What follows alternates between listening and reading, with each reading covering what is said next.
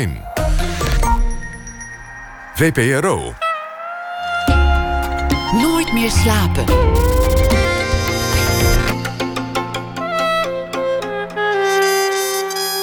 Met Pieter van der Wielen. Goedenacht en welkom bij Nooit meer slapen. Na één uur komt actrice Funda Moesde op bezoek. De actrice zit sinds een ongeval in een taxi in Istanbul in een rolstoel. En ze heeft nu een nieuwe voorstelling en een nieuw boek. De titel van de voorstelling is Funda draait door. En het boek heet Niemand vraagt meer waar ik vandaan kom sinds ik in een rolstoel zit. Katelijn Schilder die schrijft een verhaal bij de voorbije dag. Dat doet ze deze week elke nacht. Maandag hoopte ze op Clinton, zei ze. En ik ben benieuwd in wat voor stemming ik haar aantref na ene. We beginnen met Jan van Mersbergen. Als op de kaft van een Amerikaans boek een paard staat, dan is het meestal een goed boek, schijnt hij ooit gezegd te hebben. Altijd. Altijd zelfs een goed boek. En uh, het treft, want op zijn nieuwe boek staan maar liefst twee paarden. Nog opmerkelijker, het paard is ook de verteller in het verhaal. Niet een paard met kleren of Mr. Ed het pratende paard, maar gewoon een paard als verteller. Want Van Mersbergen die, uh, heeft een boek geschreven met als titel De Ruiter. En zoals vaak in zijn werk gaat het hier om een zwijgende toeschouwer die het verhaal vertelt. Dan heeft hij dit jaar ook nog een ander boek dat in de bioscoop ligt bij de film. Een echte Vermeer. Een uh, bijzonder project, want het is een verboeking van de film. Van Mersbergen maakte op basis van het filmscript een spannend boek. Jan van Mersbergen, geboren in 1971, is schrijver. Schreef al zo'n tien boeken. De bekendste zijn Naar de overkant van de nacht, De laatste ontsnapping en Morgen zijn we in Pamplona. Hij won de BNG Literatuurprijs voor De overkant van de nacht. Zijn boeken zijn vertaald onder meer naar het Frans, Duits, Spaans, Turks en Engels. En er is ook nog sprake van een aantal verfilmingen die al dan niet uh, verwezenlijkt zullen worden. Jan van Mersbergen, hartelijk welkom. Dankjewel. Hoe heb, je, hoe heb je het beleefd de afgelopen dag? Heb je vannacht zitten kijken naar de uitslagen of ben je vanochtend gewoon wakker geworden met, met teletext? Ik werd vanochtend wakker met het nieuws. Ja, ik heb een babytje thuis. Is, zij is inmiddels zes weken. Dus de dag uh, zit zo'n beetje in een, in een babyritme van voedingen. En dat doet mijn vriendin natuurlijk, dat doe ik niet. Dus zij zei vanochtend na zo'n voeding op een beetje een goede tijd... dat ik al wel weer wat wakker uh, word... Uh, wil, je, wil je weten wie het geworden is? En ik kon aan de vraag al wel uh, horen wie het, uh, wie het geworden was. Dus er zat iets in de vraag van wat je net zei over Katelijne Schilder. Die hoopte op Clinton. En ik denk dat heel veel mensen dat wel hadden. En wat, wat was jouw gevoel toen je, toen je hoorde Trump? Ja, ik verwachtte het ergens wel. Mijn gevoel was namelijk steeds dat, uh, dat Clinton veel te weinig uh, als, als tegenwicht biedt voor die, voor die bullebak. Je, je moet daar uh, op een hele nauwkeurige manier en ook heel serieus kracht bij zetten. Om daar, om daar, ja, Obama had dat heel anders gedaan. Die had dat met zijn duidelijkheid en charisma en ook met soort overtuigingskracht had hij dat wel neer kunnen zetten. En Clinton is meegegaan in een soort, uh, in een soort over en weer beschuldigen en schelden en een soort spelletje spelen die er altijd wel zijn. Maar ik heb in die afgelopen maanden, ik heb het heel slecht gevolgd hoor, want ik, ik ben niet zo'n Amerika volger, maar ik heb wel, ik, heb steeds het idee gehad, wat wil die vrouw nou eigenlijk? En de vrouwen willen ook in Nederland natuurlijk dat er een vrouw gaat winnen. En dat is toch als. Toch als. Uh, is toch te weinig. Ik wil weten wat die vrouw wil en ik heb geen idee wat zij. Ze heeft zich in de campagne te veel gericht op, op Donald Trump en te weinig op haar eigen agenda. Ik, ik zei nog in dit programma, want ik had een gesprek met Grunberg, die bood een weddenschap voor tien flessen champagne aan. Want hij dacht dat, dat Hillary zou winnen. Ik dacht het ook. Ik had die weddenschap achteraf natuurlijk uh, moeten aannemen. Ja. Maar ik, ja, ik heb het niet gezien en heel veel mensen hebben het niet gezien. En, en dan blijkt eigenlijk toch dat, dat alle kranten die je leest en, en, en, tijdschriften die je leest en rubrieken die je volgt, iets missen van, van, het, van het sentiment ja. dat in, in alle hoeken van zo'n land leeft. Ja, ik sta, daar, ik sta daar heel ver vandaan. Ik, sta ook heel, ik vind Amerika een heel leuk land om te zijn. Ik vind New York heel leuk. Maar ik vind het wel een uh, verbazingwekkend dat we zo gericht zijn op, op de verkiezingen daar ik geloof dat dat andersom wel uh, meevalt. Zij zullen daar niet in spanning afwachten wie hier nou premier wordt. Maakt ze echt helemaal niks uit. En, en ik weet wel dat hoe, hoe ja, ik kan dat sentiment wel volgen dat het, hoe Amerikanen. Ja, achteraf gezien, uh, Bas Heijnen deed gisteren op televisie bij de Wereld Door een analyse. En die zei, ja, de mensen willen hun zelfbeschikking uh, terug. En dat was eigenlijk de beste analyse die, uh, die, die ik gehoord heb. Mensen kunnen zich hier moeilijk voorstellen waarom op Trump gestemd wordt. Dat zou in Nederland niet zo gauw gebeuren, zo'n figuur die er dan doorheen komt. Gaat het misschien in maart ook nog wel wel gebeuren. Ik denk dat heel veel mensen zich daar de komende maanden ook nog wel in gaan vergissen. Wat, wat naar de Nederlandse verkiezingen toe, wat daar de gevaren zijn. Wat ook de. Ja, ik denk dat. Nou, hetzelfde soort gevoelens spelen hier als daar, als, als in Engeland met de Brexit en in Frankrijk met Le Pen. En ik denk dat iedereen dat gevoel van vervreemding nu bovenaan de agenda heeft staan. Zowel links als rechts. Dat, ja. gevoel van de macht weer in eigen handen, dingen weer binnen eigen grenzen. Ja, en er zijn heel veel argumenten waar Geert Wilders uh, ook mee komt, die heel sentimenteel ergens zijn, die de mensen heel direct uh, aanspreken. En als ik zie wat bestaande de traditionele partijen daar tegenover stellen, is heel minimaal een soort van afstand bedacht politiek uh, standpunt waarbij, waarbij je geen enkele kiezer eigenlijk ompraat. En er zijn heel veel kiezers die, die het idee hebben van... Uh, ja, dat zal toch zoveel wel niet komen. Maar ja, dat leeft wel heel erg. Heb je daar affiniteit mee? Met, met, met, met de, de, de, ongehoorde menigte? Met, met, met de mensen die zich buitenstaander voelen? Ik, ik sta daar heel ver uh, van af. Van de meeste discussies sta ik gelukkig heel ver af. En dat is het voordeel van romanschrijven. Dat je een fictieverhaal kunt verzinnen en een verteller kunt verzinnen die zich daar juist niet mee bezighoudt. Ik heb niet voor niks voor een paard gekozen, laat ik het zo zeggen. Een paard. Toen ik erachter kwam dat je boek was geschreven vanuit een paard, dacht ik, dacht ik heel even: wat nou weer? Wat ga ik nou meemaken? Ga ik echt een boek lezen dat is verteld vanuit een paard? Je, je doet dat heel handig, waardoor dat, dat bezwaar smelt, het verdwijnt. Het wordt, het wordt geloofwaardig dat er een paard in de wei staat die als een zwijgende buitenstaander het verhaal meemaakt. Dat, dat verhaal hoeven we nu niet helemaal te vertellen, denk ik. Maar het, is, het, is, het speelt op het platteland. Is het, is het een omgeving die jij kent? Ja, heel die goed. Je beschreven? Ja, ik kom uit, uh, uit de polder als ik aan mensen vertel hoe die polder heet, dan weet niemand het, ook in Amsterdam niet. En uh, de, de biesbos zit eraan vastgeplakt. En dat wordt af en toe komt het wel eens langs bij het lijstje van de mooiste gebieden van Nederland. Als je daar in die polder opgroeit, dan kom je nooit in die biesbos. Want er is helemaal niks te zien. En uh, ja, wat je bij ons hebt, dat waren een paar rivieren. Het is een eilandje en een polder eigenlijk. Er is heel weinig... gebeurt weinig. Er is weinig werk. Op zondag is het zwembad uh, dicht. Het is net het, het, het bovenste topje van Brabant. Waar nog flink wat dorpen zijn die gereformeerd zijn. Het gereformeerde deel van het verder toch zo katholieke Brabant. Ja, net de Maas over. Dan kwam je bij de Zandgrond. Daar werd carnaval gevierd, wat ik altijd heel graag uh, deed. Daar wilde je echt wel naartoe in, uh, in februari. En ook, ja, daar, was de, daar zaten de katholieken, de papen. Ja. Dus ik, ken het gebied heel goed en het dus de, de strook land waar mijn boek uh, speelt. Die ken ik op mijn duimpje, omdat mijn, ouders hebben een stuk land in de polder. En ik wilde niet een boek maken over hun stuk land. En ik wilde ook niet over mijn ouders uh, schrijven. Ik wilde mijn eigen verhaal vertellen. Er zit wel een, een, een oude man in het boek. Die zijn uh, kleindochter daar op, op bezoek krijgt. Voor onbepaalde tijd wordt ze daar gestald, zeg maar. Dat is het verhaal. En door dat paard toe te voegen, mijn, mijn ouders hebben kippen, schapen, ze hebben een moestuin. Ze hebben geen paard. Dus daardoor zou het al meteen ook fictie zijn. Dat vond ik heel prettig.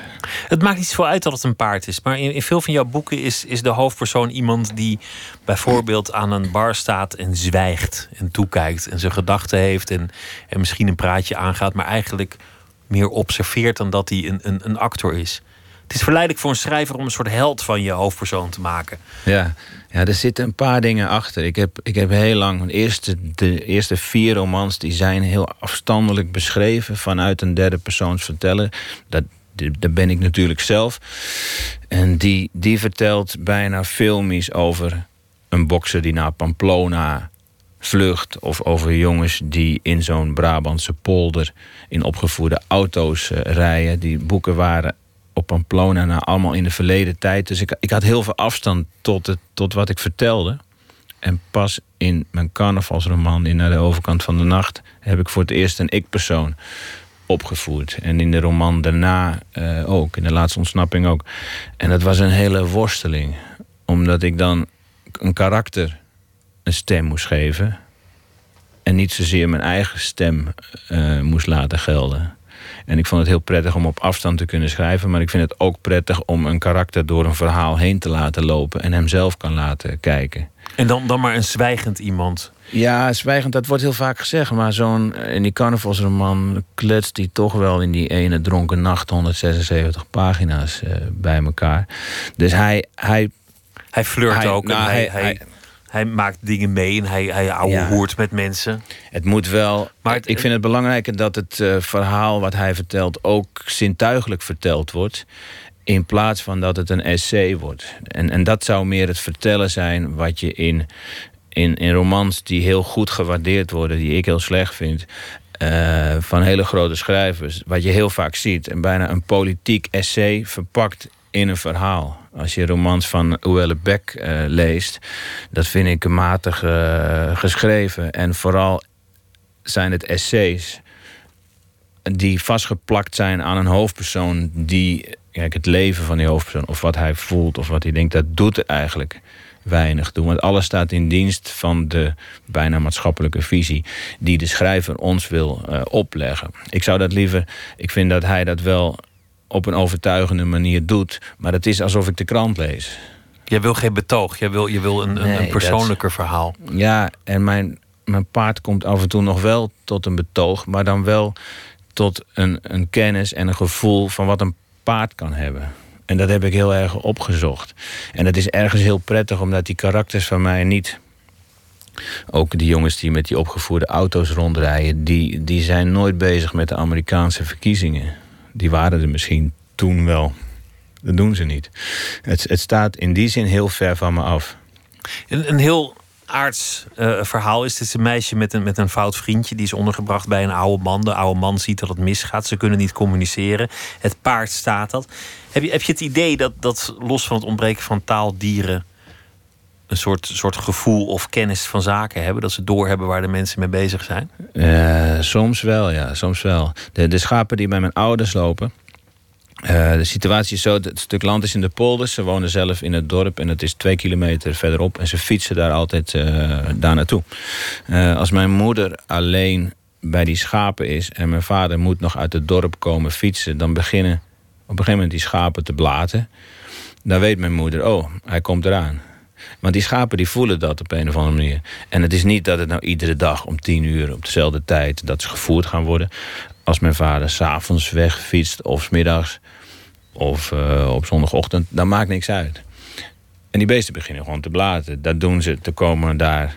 Nou, als mijn kinderen zijn daar wel eens. En dan zegt uh, mijn vader: Het is vandaag een hele drukke dag. En dan zegt mijn zoon: Nou, er rijden wel drie auto's voorbij. Het afgelopen uur. En er komt er wel eens wat voorbij. En af en toe een trekker. En een paar op zondag wat meer fietsers dan, dan door de week. Maar die schapen weten dat. En hoe dat kan, ik weet het niet. En ik wil niet uh, suggereren... Ja, misschien wil ik wel zeggen dat schapen paranormaal zijn op zo'n niveau. Maar verder heb, heb... Mijn vader heeft daar verder ook nooit... Uh, een groter punt van gemaakt dan het is. Die zegt, ja, die beesten voelen dat. Klaar. En dan ben je er wel. En dat, dat, is, een beetje ook, dat is ook een beetje de sfeer bij jullie thuis, denk ik. Ja, dat klopt ook wel. De, niet zijn... overdreven analyse, misschien niet, niet, niet permanent bezig met, met, met heel diep over je gevoelens of de wereldpolitiek praten. Gewoon uh, wat, wat rustiger ja, we, we, keken altijd wel naar het, naar, het, naar het journaal... en dan kwamen er wel discussies over en soms ook wel ruzies. Maar wat het wat zoiets is als met die, met, met die schapen... Uh, we veranderen in mijn familie door zo'n voorval wat heel bijzonder is. Het is bijzonder dat het opgepikt wordt en dat we het herkennen... Maar we veranderen daardoor niet in een soort bomenknuffelaars... of mensen die een andere theorie uh, aanhangen of daar een boek over schrijven. Ik schrijf geen boek over die, die gaven die die schapen hebben. Het paard noemt het. Uh, af en toe.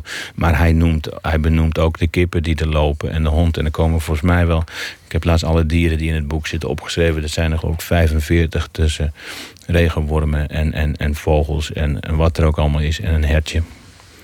Uh, ja, dat paard is toch iemand die observeert en die goed kijkt. En als die baas, die daar is die oude man, die zegt soms tegen hem... nou, kom, uh, hup, uh, kom hier. Dan zegt het paard, nou, ik reageer niet. Ik ben geen hond. Dus hij kan wel duiden, maar hij, is, hij antwoordt niet als mens. Hij, hij, is geen gevangene in een wei als mens. Ik, daar wilde ik ook niet van maken. Dus, ja. Eigenlijk ging het gewoon om, om een verteller. Want dat is even de belangrijkste keuzes die je maakt als schrijver bij een boek. Wie wordt de verteller? Wordt het een, een soort neutrale verteller die alles weet? Of wordt het, wordt het de persoon zelf die het schrijft? Of, of de ik-persoon als personage? In dit geval, waarom niet een paard? Je, je, vertelde iets over waar je bent, bent opgegroeid. In, dat, in dat, dat, dat noordelijke deel van, van Brabant, in die omgeving. Je, je hebt er ook wel eens over geschreven in columns. Over de dorpsgek die daar was. En, en, en over hoe je je tijd doorbracht. Jouw vader heeft wel gestudeerd. Dat was een, een, een verkeersontwerper of iets. Ja, hij was technisch tekenaar. Wat houdt dat in? Ja, dat je, dat je plattegronden van uh, ja, bestekplannen noemen ze dat. Van hoe, het, uh, hoe, het, uh, hoe de straat ingedeeld wordt. Waar de parkeerplaatsen zijn, waar de afslag is. Hoe de stoepjes lopen. Dat moet allemaal uitgetekend worden. Zodat het gemaakt kan worden. En dat tekende die. Dus, dat is wel, ja, voor ons in de familie was dat wel echt studeren.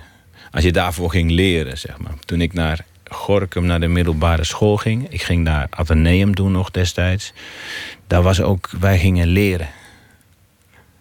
Omdat je niet naar de, naar de bakkerschool ging of naar de LTS of zo. Je ging iets met je hoofd doen, dat was bijzonder. Ja, dat was wel iets, uh, er werd soms wel, ja, er werd heel, ook weinig over gesproken. Maar er was, ja, hij, ja, die gaan leren en anderen niet. En er kwamen er vier uit het dorp die Atheneum gingen doen.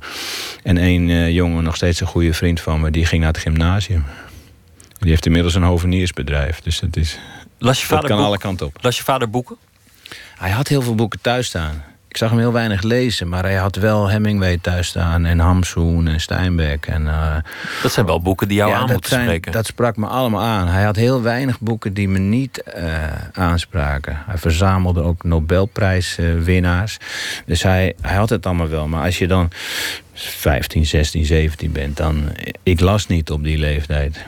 Mijn zoon nu van 13, die leest ook helemaal niks. En ja, ik had toen voetballen en ik was veel buiten. En ik ging op een gegeven moment vrijdags en zaterdags ging ik uit. Ik, had, ik, had geen, ik, las niks. Dat, dat deed ik wel pas toen ik in Amsterdam kwam. Na je 19e, 18e? Ja, 19. Ja. Hoe kwam dat, dat je ineens ging lezen? Ja, ik heb geen idee. Misschien toch wel door die boekenkast die er thuis altijd stond. Dat denk ik wel, want als dat er niet geweest was... dan had ik ook geen, geen uh, geen referentiekader of zo gehad. Ik kwam in Amsterdam en ik zag in de tweedehands boekwinkel... zag ik Hamsoen weer staan. En dan wist ik wel van, die moet ik hebben. En ik moet dat andere boek...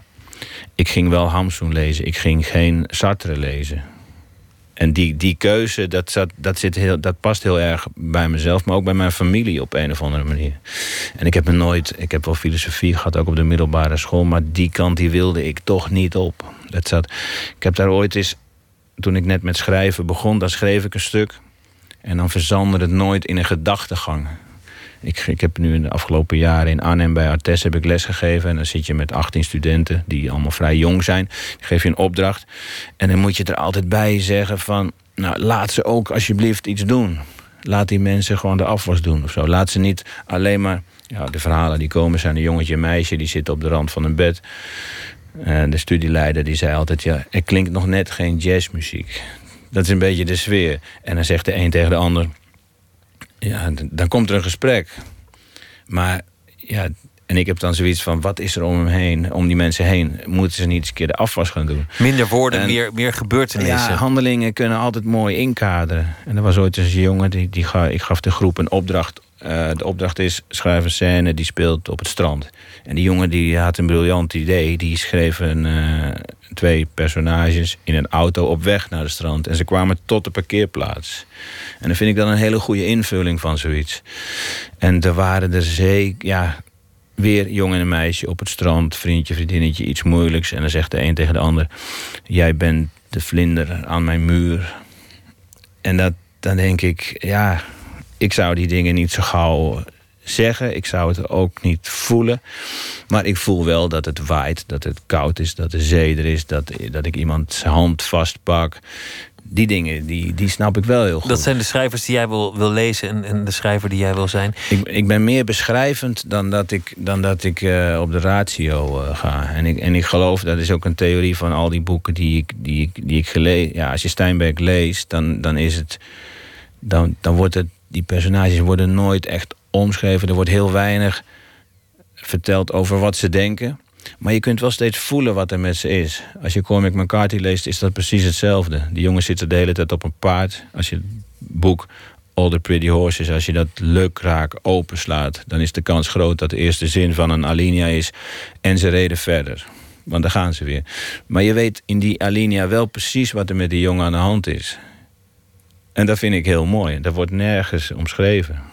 Jullie gingen met je ouders altijd op, op fietsvakantie. Dat, was, dat vond ik ook wel een, een, leuk gegeven. Dat, dat jullie niet, niet op vakantie gingen naar, naar, naar Spanje of Italië of, uh, of, of naar Thailand of weet ik veel waar. Maar dat jullie gewoon op de fiets gingen naar, naar Ede. Of, uh, ja, naar Drenthe of naar Limburg. En dan gewoon het hele gezin op de fiets. Ja, met mijn tweelingbroer en met z'n vieren dan in totaal. Ja. En dan een tent achterop? Of, of hoe lang bleven jullie weg? Meestal hadden we een huisje of zo. En dan zo een paar dagen. Al hele ondernemingen. Als je dus- alles op de fiets moet meenemen, zeg maar. Dus toen jij in Amsterdam kwam, had je, had je relatief weinig van de wereld gezien. Jou, jou, het was een, een, een heel iets dat je al ging leren in Gorkum. Ja, ik, ja dat was, je... ik, had, ik, had, ik was nog amper in het buitenland geweest. Ik was wel eens in, in Berlijn, denk ik, geweest. En een keer naar Parijs. Vanuit Gorkum kregen we op een gegeven moment door dat je met de bus naar Parijs kon op vrijdagavond. En dat je dan op zaterdagavond weer terug zou zijn. En toen hebben we op een gegeven moment in het café besloten, dat gaan we doen. Even naar huis bellen. Dan had je nog een kroegtelefoon waar je kwartjes in moest gooien. En toen belde hij naar huis en zeggen we blijven een nachtje weg. We gaan naar Parijs en morgen zijn we er weer. En dat was natuurlijk een soort ontdekkingsreis. Het, het klinkt bijna alsof ik nu praat over de jaren 50 of zo. Maar ik heb inderdaad niet, ik heb niet veel gezien. Ik ben niet in die vakanties naar Thailand, dat deed in het dorp toch echt niemand. Voelde je je meteen thuis in Amsterdam? En, en waarom ging je daar naartoe? Ja, ik ging hier studeren, maar ik wou wel graag, uh, ik wou wel graag naar Amsterdam toe. Ik wou niet naar een andere stad.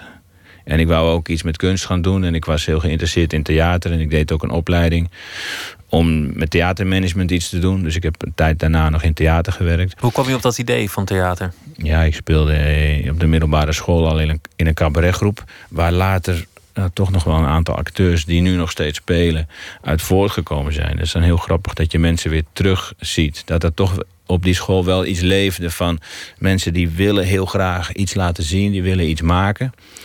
En ik durfde toch niet. Ik durfde niet te gaan acteren naar, naar een theaterschool. Ik zou nooit auditie gedaan hebben voor een toneelschool. Er stond, die, die stap was te groot. En uiteindelijk is schrijven natuurlijk in, op mezelf thuis is veel veiliger.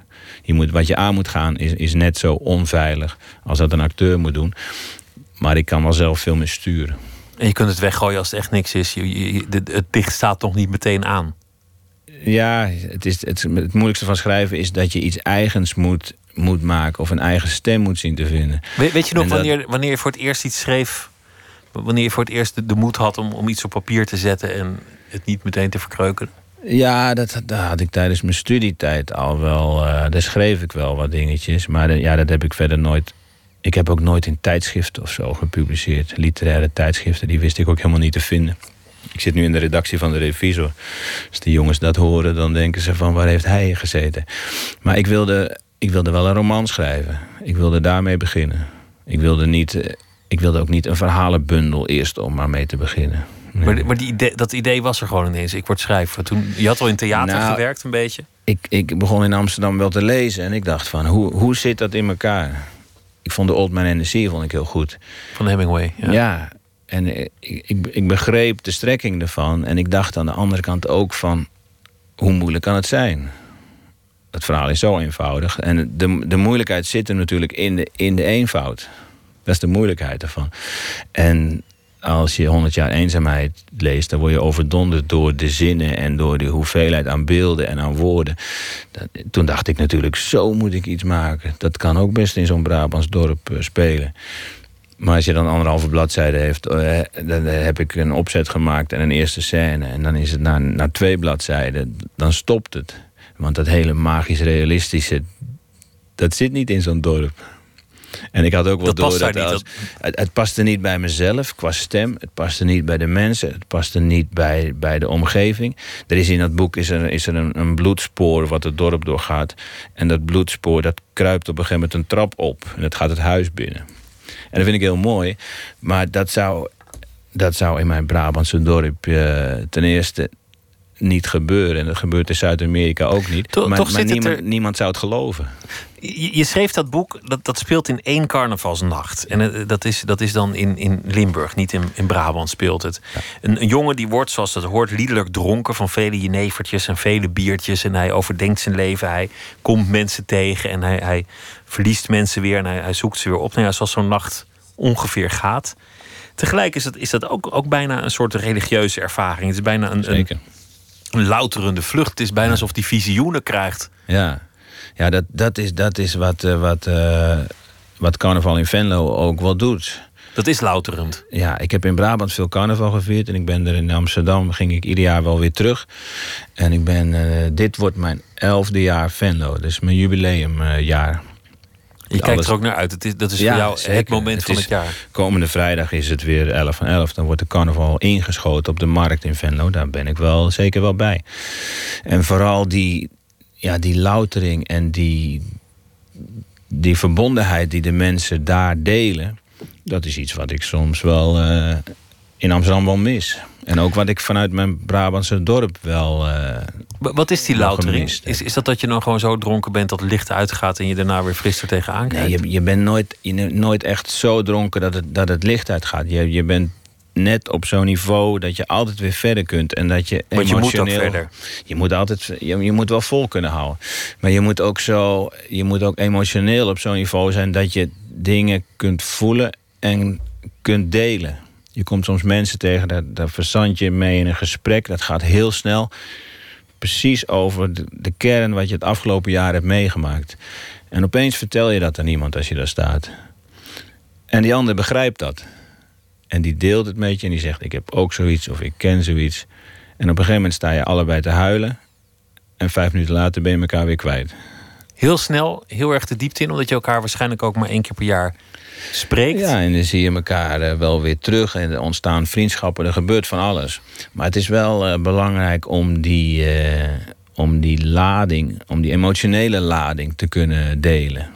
Het, Bra Brabantse carnaval, daar gebeurt dat ook wel, maar daar is daar wordt het niet zo gedragen door hoe mensen eruit zien, door de pak en door de smink en, en ook niet door, door, door de liedjes die er zijn.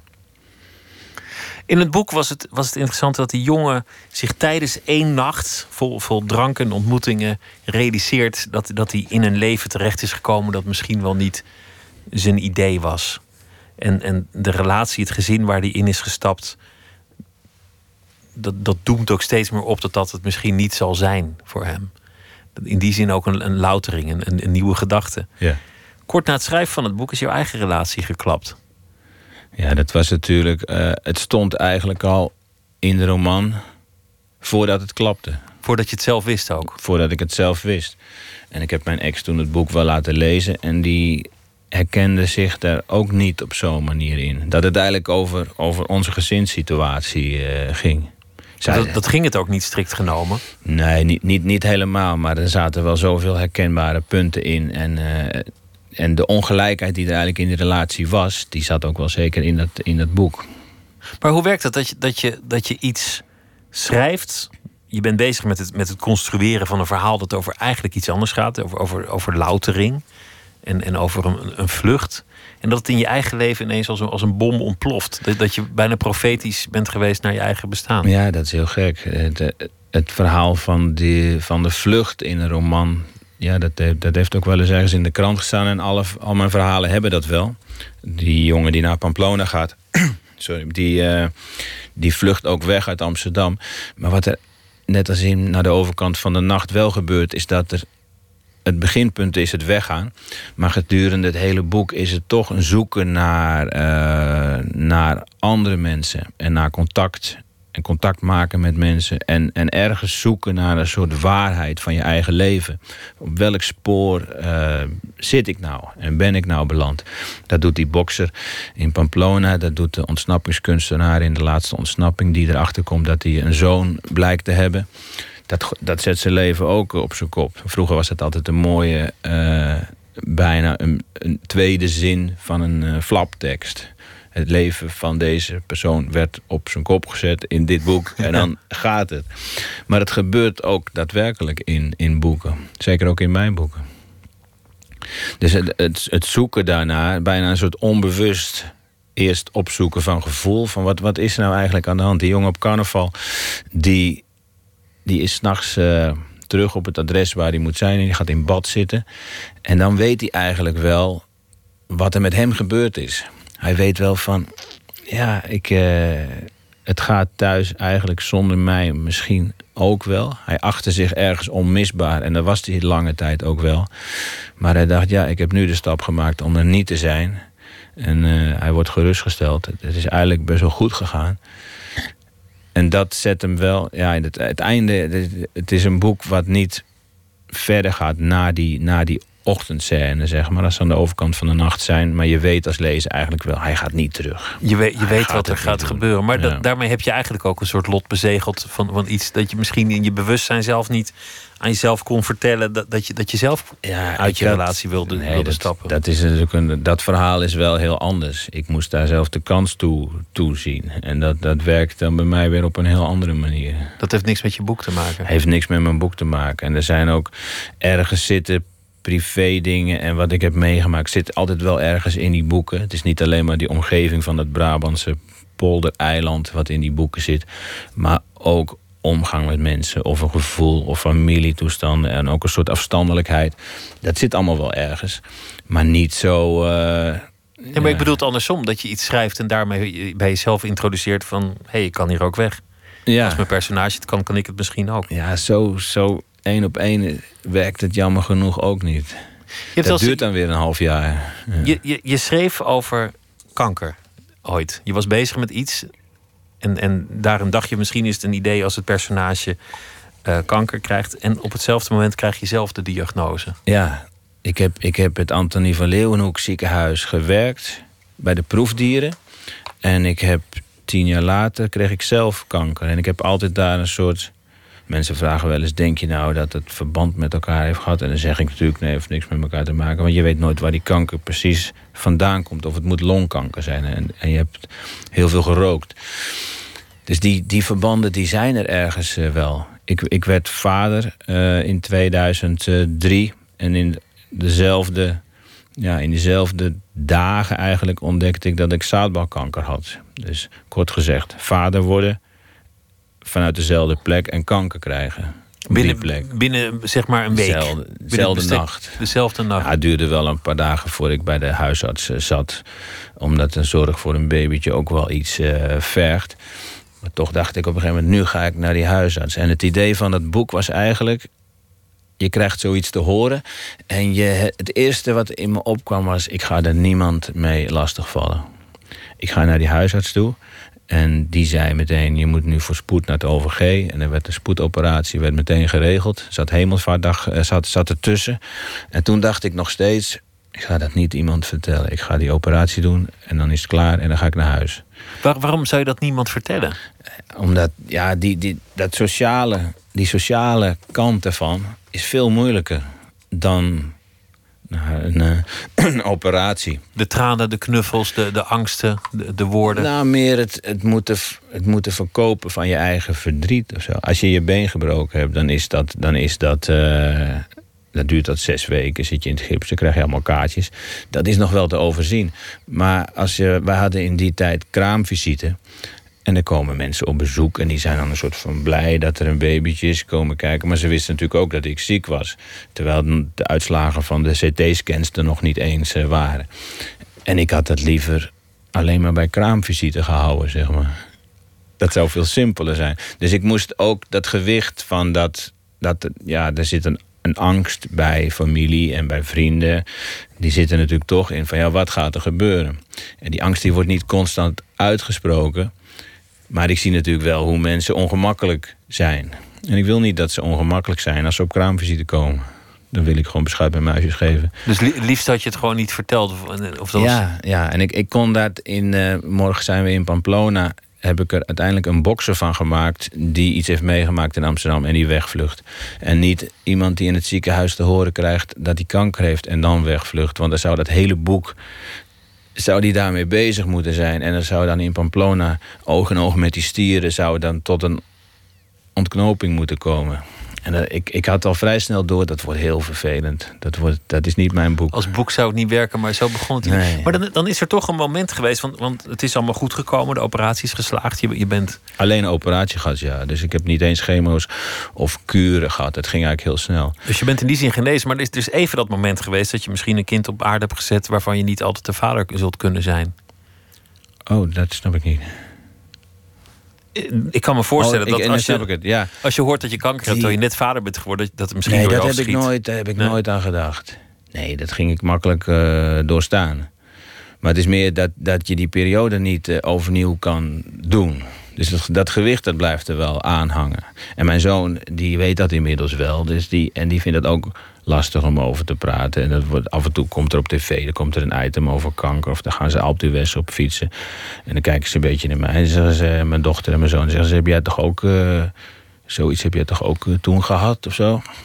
Dan zeg ik, ja, dan vertel ik daar een beetje over. Maar dat, ik heb nooit... Dat idee heb ik nooit gehad. Dat, daarom snap ik het denk ik ook niet. Dat ik dan niet meer zijn vader zou kunnen zijn. Maar dat, zou ik, dat ging ik wel echt zijn, ja. Heeft dat veel veranderd? Want, want zodra dat woord één keer gevallen is in, in je bestaan kanker, dan, dan, dan is het woord nooit meer helemaal weg. Hoe genezen je ook bent. Ja. Dat is het dan wat ik vaak van, van ik mensen Ik kan er nu gelukkig vrij eh, soepel over praten. En dat kon in die tijd eh, niet. En ik merk nu wel dat ik mensen tegenkom die dat, die dat beter kunnen. En dat vind ik heel prettig. Misschien is dat een soort iets wat in de tijd ook wel veranderd is. Dat er wat minder... Uh, zwaar over, over, uh, over gedacht wordt en dat er makkelijker over gepraat wordt. En dat is misschien wel wat die Alptues voor zin, uh, voor zin heeft, dat het wat open gegooid wordt. Ja, op een gegeven moment is het, is het wel weg en blijft het ook niet. Uh, maar heeft het, heeft het veel veranderd in, in, hoe je leeft en, en, en, schrijft en de prioriteiten die je ja, stelt? Ja, de prioriteiten die zijn wel veranderd. Ja, ik ben wel. ergens ben ik veel harder geworden. En durf ik veel makkelijker te kiezen van nou, dit is er, hier ga ik voor, ik ga dit doen. En als mensen me niet bevallen of ik heb problemen met mensen, dan bleef ik nog wel eens lang mee worstelen of mee bezig. Of dan bleef ik er net te veel aan plakken wat ik misschien helemaal niet wilde. En nu ben ik daar heel uh, simpel eigenlijk in. Ja. Dat het ook relativeert in die zin. Ja, ergens relativeert het wel. En, uh, en heb ik geen zin meer om daar tijd of moeite in te steken. Dus ik kan heel makkelijk zeggen, nou, dit wel en dit niet. En die, die, die, keuze, die, zijn, die keuzes zijn daardoor wel versimpeld. Ja. Ben je dan ook anders gaan schrijven? Ik, ik hoop dat ik wat opener ben gaan schrijven. En ik weet niet of dat met ziekte te maken heeft gehad... maar ook door wat ik verder, ja, dat weet je natuurlijk niet... verder heb meegemaakt.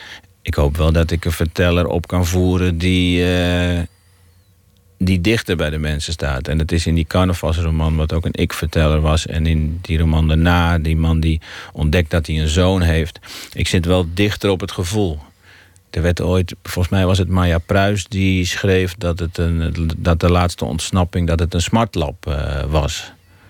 En dat vond ik ergens heel prettig. Want ik wil die manier waarop in, in, in Nederlandstalige smartlappenliedjes... het gevoel wordt overgebracht. Daar hou ik heel erg van. Maar dat is toch ook heel mooi? Want het kan in een paar zinnen iets, iets neerzetten dat, dat iedereen herkent. Ja, ja. Een goede. Je hebt natuurlijk ongelooflijk veel rommel. Maar... Er zijn heel veel hele slechte geschreven. Maar als Hazes zingt van, uh, in, uh, in, in, in de discotheek... hij zegt, het was een warm en druk... en ik zat naast een lege kruk... Dat vind ik wel echt een fantastisch uh, zinnetje. Vind ik heel goed. Ergens is het ook ongeloofwaardig dat, dat hij net naast die ene lege kruk zit. Maar ik snap het gevoel wat daarbij... Dat is toch een gevoel wat hij vertelt. En dat... Uh, de zin daarna is weer heel slecht. Dat is dan weer jammer. Is dat, is dat iets wat, wat werkelijk bij je past? Want een, een beeld dat ik misschien van je heb... Dat je, dat, je, dat je iemand bent die graag alleen in gezelschap is, die, die in een café is Oh, en nee. zwijgt? Nee, ik praat wel veel, ja. Dat idee, ja. Ik weet niet waar ik dat vandaan heb, maar Ja, dat komt ook door, die- door die karakters, denk ik, die dan eh, zo neergezet worden in, in recensies of in de pers. Ik heb ooit eens opgezocht. Een van die zwijgende karakter, karakters in mijn boeken, die kregen toch voor elkaar om in, in die ene roman 15 keer iemand anders te bedanken. En dat heb ik niet voor niks opgezocht. Dat vind ik heel belangrijk. Dat je een soort. Een, een, eh, dat, je die, dat je je karakters in waarde zet tegenover elkaar. Dat ze dat, dat is dat, ze dat op kunnen brengen. het dat is ze dat misschien juist dat, dat, dat, dat minimale. Dat, dat ze weinig woorden nodig hebben om iets heel trefzeker. Ja, soms is het als, als een karakter kan zeggen: eh, er gebeurt iets en hij kan zeggen dankjewel. En heel veel boeken gebeurt het niet meer. Ook omdat de verteller of de schrijver in, in, eh, verwikkeld is in een politiek essay. En als die koffie krijgt, er wordt een koffie voorgezet. Dan loopt het meisje alweer weg. Dat meisje zit daar natuurlijk ook helemaal niet op te wachten. Op, op het bedankje van die man. Maar ik heb graag een karakter in een boek dat wel zegt van... Nou, dankjewel voor de koffie. Welgemanierde karakters. Ja, dat, dat staat wel dichtbij me, ja. Maar dat is ook een, een, een, iets wat ik prettig vind... of wat ik belangrijk vind en wat ik ook tegen mijn kinderen eh, zeg. Als zij in, eh, in een café komen en, eh, en ik vraag... wat willen jullie hier drinken? En er staat iemand achter die bar en ze zeggen cola. Dan zeg ik, cola is 2 euro. Maar als je cola alsjeblieft zegt, dan ga ik het voor je regelen. Eigenlijk heel stichtelijk dat je, dat je personages wil maken die zich, die zich aan jouw normen houden. Vind ik, vind ik wel grappig. Ja, ergens wel, ja. ja. Laten we luisteren naar ehm, een Amerikaanse zanger, Conor Oberst. Hij schreef een, een liedje voor de nachtmensen over de slaap die maar niet wil komen. En eh, dat heet dan ook Counting Sheep.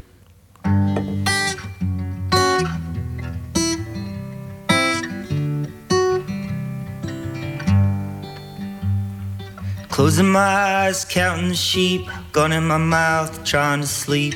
Everything ends, everything has to. Get well balloon, going insane. Weight of the world, paper mache, gone with the wind, out into nothing.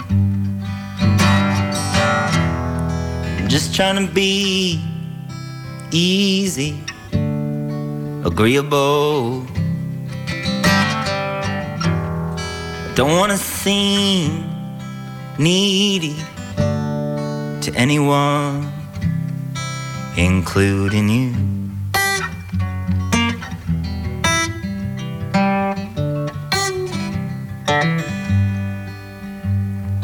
Little Orphan drowned in the pool. You know, he got killed walking to school. Hope it was slow, hope it was painful.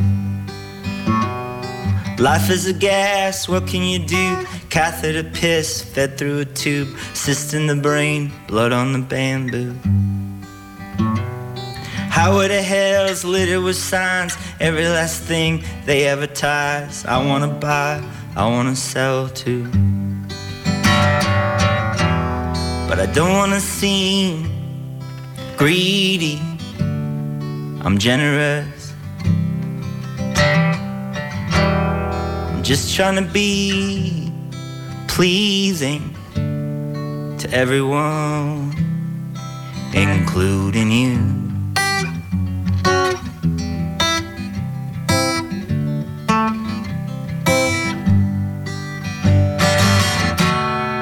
Tomorrow is shining like a razor blade, and anything's possible if you feel the same.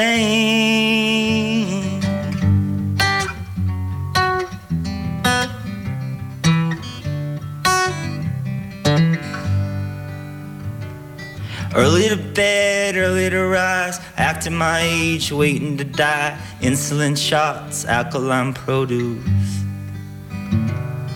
Temperature's cool, blood pressure's fine. 121 over 75. Scream if you want, no one can hear you.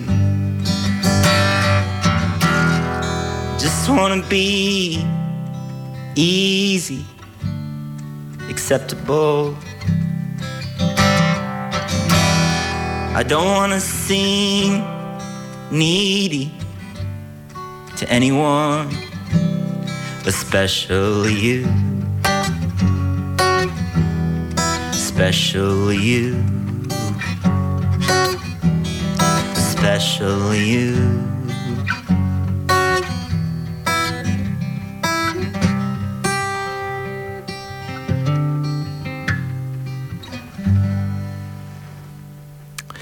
Van het album Ruminations, Connor Oberst met Counting Sheep. Nooit meer slapen in gesprek met Jan van Mersbergen. Naar aanleiding van het boek De Ruiter. Daar uh, we hadden het even over de, de, de verkiezingen. En daarna kwamen we vrij snel te spreken over, over dat boek De Ruiter. Je zei, het is de omgeving die ik wel ken uit mijn, mijn jeugd. Het is uh, verteld vanuit een paard, maar het is ook de, confrontatie tussen, tussen stad en, en platteland. Het is ook het, uh, het de oude man die hoort bij het platteland. Het meisje die, die is teruggekomen uit de stad en neemt haar problemen en sores mee. Wordt min of meer achtervolgd door de, door de foute vrienden die zich om zich heen heeft verzameld. Het paard ziet het allemaal toe en, en neemt het waar. Meer, meer is het eigenlijk niet. Maar er zit ook een, een, een clash in tussen twee grootheden. Tussen de stad en het land. De provincie en, uh, en de, de bebouwde omgeving. Is, is dat iets wat, wat ook in jou zelf zit inmiddels. Dat je al zo lang in de stad woont, maar je er eigenlijk ook niet altijd thuis voelt. Ja, ik, ik heb 19 jaar uh, in Brabant gewoond en nu al 26 jaar in Amsterdam. Dus ik ben wel echt naar Amsterdam. Ja, dat is wel echt mijn stad geworden. Ik fiets daar echt. Ik fiets daar wel op mijn gemak doorheen. Ik voel me dan wel thuis. Ik zag net nog een soort herhaling van die Adam en Eva serie. Die ontzettend goed, uh, ontzettend goed is. En dan weet ik bij ieder shot weet ik waar het is. Bij toch, toch geef je er ook wel eens. Je geeft er ook wel eens op af. Ja, natuurlijk, maar, maar niet. Ja, maar ik geef ook af op het platteland. Of zo. Of wat daar. Uh, dat daar soms een. een uh, ik heb laatst een stuk geschreven over de, de opties die mensen vroeger hadden bij mij in het dorp. Als er, als er mensen van buiten afkwamen. Die waren of gek of vreemd. Alles paste binnen die twee opties. En dat is een soort kortzichtigheid die ik. Uh, daar wil ik niet meer naar terug of zo. Ik ben heel blij dat mijn kinderen in Amsterdam op school zitten in een volledige mix. Dat ze die verschillen totaal niet uh, zien. Mijn zoon die zat uh, vanavond zijn klassenfoto's te bekijken. Die kun je dan via een of ander inlogding kun je ze kopen. En hadden die jongens natuurlijk weer al lang via WhatsApp wordt dat verspreid. Die arme fotograaf die dat allemaal keurig in elkaar zet. En dan bekijkt hij die foto en dan moet hij heel erg lachen. En dan zegt hij, de, deze jongen is een Egyptenaar. Maar hij, hij zegt het niet omdat het een, een vreemdeling is. Of, toen ik net in Amsterdam kwam, was op de Blasiusstraat in Oost, op de hoek van de Wieboudstraat. Er zat een snackbar en die werd gerund door Egyptenaren. En daar ben ik heel vaak geweest, heel vaak met die jongens ge, gesproken. Want dat was, dat was dan zeg maar de buurman. Maar voor mij waren het ook zo ja, volstrekt... Uh, uit een andere wereld kwamen die. Ik vond het heel interessant dat het allemaal was in Amsterdam. Dat je dat makkelijk op kon zoeken. Maar voor mijn zoon is dat gewoon een klasgenoot. Die, dat, is meer dat, dat hij een Egyptenaar genoemd wordt, is veel gekker dan hoe die jongen zelf is. Dus dat maakt eigenlijk helemaal niet meer uit. Je bent wel echt je thuis gaan voelen in Amsterdam, ook al, ook al wil, je soms nog als buitenstaander uh, projecteren of dat, dat een beetje cultiveren. Je hebt je stem gevonden als, als schrijver, want je zei daar heb ik wel lang over gedaan, maar dat, dat is op een zeker ogenblik gebeurd. En schrijven is gewoon je, je bestaan. Ooit was je ja. ambitie theater, maar dat, dat durfde je niet echt? Nou, spelen niet. Ik heb wel lang uh, ja, voorstellingen geproduceerd en mee uh, getoerd. En bij een klein theatertje gewerkt en bij een festival. Veel regelwerk. Veel samenwerken ook. Theater is constant samenwerken. Film nog veel meer. En uh, ik was blij dat ik daaruit kon stappen. Inmiddels doe je dat wel in, in een andere hoedanigheid. Want je, je hebt opgetreden op Lowlands en op, op nog een paar van die festivals. En je hebt avonden gedaan met Tim Knol samen. Uh, muziek en literatuur gecombineerd. Ja. En dan, dan sta je toch als een, als een rasartiest, performer op de, op de planken. Ja, we stonden op Lowlands. Dat was met Tim en met Jurre de Haan en Jan van Doren. We hebben met z'n vieren, we zijn een goede vriendengroep. We kennen elkaar al lang en goed en we zoeken elkaar graag op. En eigenlijk waren we op Lowlands de enige WhatsApp-groep die optrad. Er was natuurlijk een, uh, een band erbij. En we waren volgens mij met acht of negen of zo. En dan proberen we tekst en muziek samen te, te brengen. Dus een stukje tekst en begeleiding. Alleen toetsen, dat ik nog iets lees. Dan komt de bas erbij, dan een refrein erbij. En dan maken we een programmaatje. Uh, afgelopen vrijdag stond ik met Jurre de Haan van Awkward Eye is hij op uh, Crossing Border Festival. En dan, ja, ik had van Crossing Border, ik heb daar met die andere jongens ook een keer eerder gestaan, zo meer dan tien jaar geleden. Dan, dat is het contact aangaan tussen literatuur en muziek. Maar als je het programma bekijkt, dan waren, Jur en ik volgens mij de enige die het samen deden. Daar kan ik naast zitten hoor. Ik hoor graag als het anders is. Maar ik heb wel eens Amerikaanse muzikanten gezien die daar gedichten voordragen. Uh, Lou Reed had dan gedichten geschreven. En dat is dan toevallig een muzikant. Maar dat is niet de combinatie muziek uh, en literatuur. En je ziet dan soms uh, dichters die gaan zingen. Nou ja, dus al met al heeft het festival die combinatie wel, wel redelijk in, in, in leven gehouden.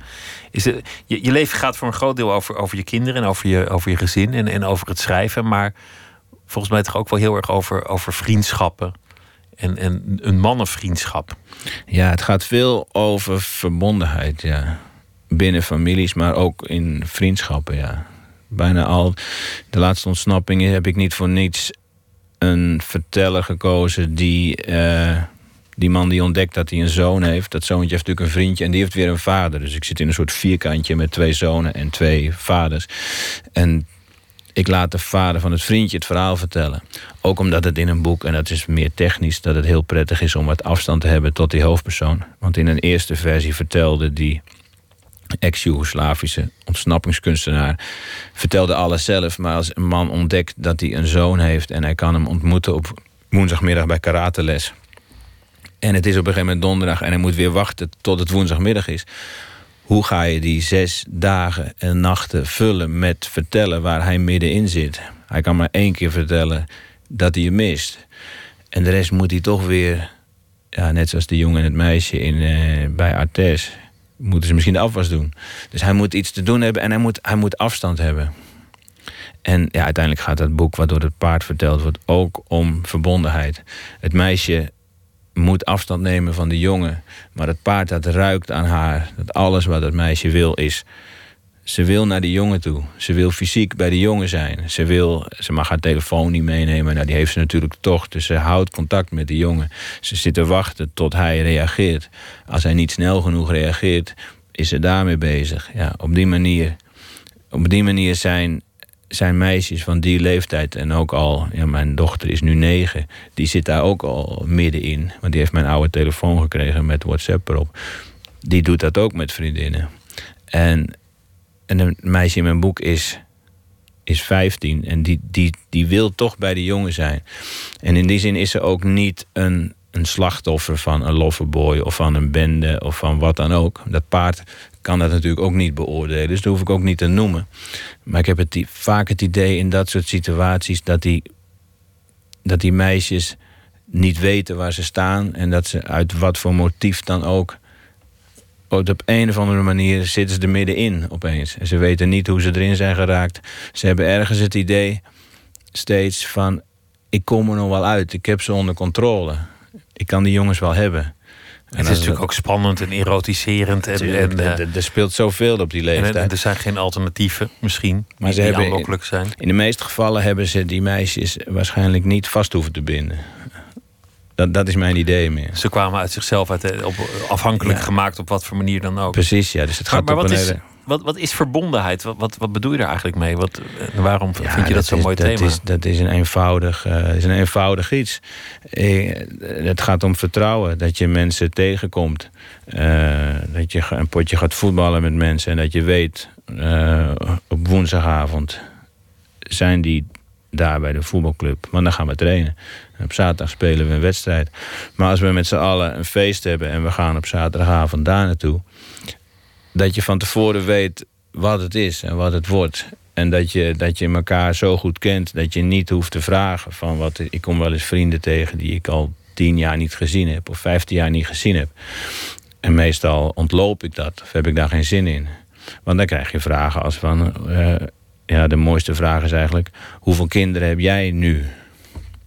Ik wil die vraag helemaal niet krijgen. Ik kan wel zeggen drie, omdat het inmiddels van twee naar drie opgeschoven is. Maar ik heb liever eh, vrienden om me heen die, die weten, die, die op kraamvisite zijn geweest op een normale manier nu met beschuit met muisjes. En dat, en dat ze me meenemen naar het voetbalveld voor eventjes. Dat ze weten van nou, het zit zo in elkaar. Gaat het goed. Dat je daar een, een gesprek over hebt. Eventjes maar. Dat is eigenlijk alles. Dat je niet veel hoeft te zeggen omdat je het wel weet, omdat, omdat je gewoon nog, nog dicht bij elkaar staat. Omdat je elkaar kent. Er is een jongen in, uh, in mijn Brabantse dorp, die zoek ik af en toe op. En die doet soms in Amsterdam, moet hij werken. En dan komt hij bij me langs een kopje koffie halen. En dat je dan, je vraagt wel aan elkaar hoe gaat het. En met de ouders, hoe gaat het. Dat zijn de korte dingen. Oké, dat is een soort basis. Maar je kent elkaar zo goed dat je verder ook weinig nodig hebt. En dan is het soms prettig om gewoon uh, over de balkonregeling te kijken naar, een, uh, naar de boom die daar staat. En dan ben je samen en dan voel je dat het goed is. Ja, dan is het voldoende om bij elkaar te, te zitten. Ja. En dat, dat sluit, ja, in, in mijn romans heb ik geen uh, karakters die, die op dat moment over de Amerikaanse verkiezingen gaan praten. Die, die, die komen daar niet toe. Die, die boom die, die, die voor ons staat is veel belangrijker, omdat die voor ons tweeën staat. Zeg maar. Daar kunnen we allebei naar kijken. En we, we hebben alle wel een idee over wat er in Amerika natuurlijk gebeurt. En we zullen er allebei wel een keertje heen gaan. Het is allemaal heel ver weg. En als ik dan de, als ik de aandacht zie voor die verkiezingen, is, is enorm in Nederland. En dat, uh, die boom krijgt veel minder aandacht waar je met z'n tweeën naar zit te kijken. Er wordt in ieder geval, de media zijn er niet, zijn er niet op gericht. En in zekere zin richt ik mijn, mijn romans door die door ergens die persoonlijke, maar toch ook afstandelijke manier van vertellen, gaan ze wel daarover. En ik ben heel blij met dat paard die dat heel goed, die dat heel goed kan, die dat ook aanvoelt. Die, die voelt aan mensen wat er speelt of wat er is. We begonnen met de Amerikaanse verkiezingen. En nu zou ik eigenlijk zin hebben om gewoon even met jou een uh, kwartier lekker voor ons uit te zitten zwijgen. En naar deze microfoon te staren. En, en er verder ook niet zoveel uh, over te zeggen. Jan van Mersberg, dank je wel. We hebben het niet gehad over uh, een echte Vermeer. De, de verboeking van de film. Maar die is verkrijgbaar in de bioscopen. En volgens mij is een thriller ook wel een volgend project dat je zou kunnen. Dit kwam al best in de buurt. Dat komt in de buurt, ja. Dank dat je te gast uh, wilde zijn. Zometeen gaan we verder met Nooit meer slapen. Twitter, het VPRO NMS. Of via Facebook kunt u ons uh, vinden. En uh, u kunt zich ook abonneren op de podcast via iTunes of de website van de VPRO. vpro.nl slash nooit meer slapen.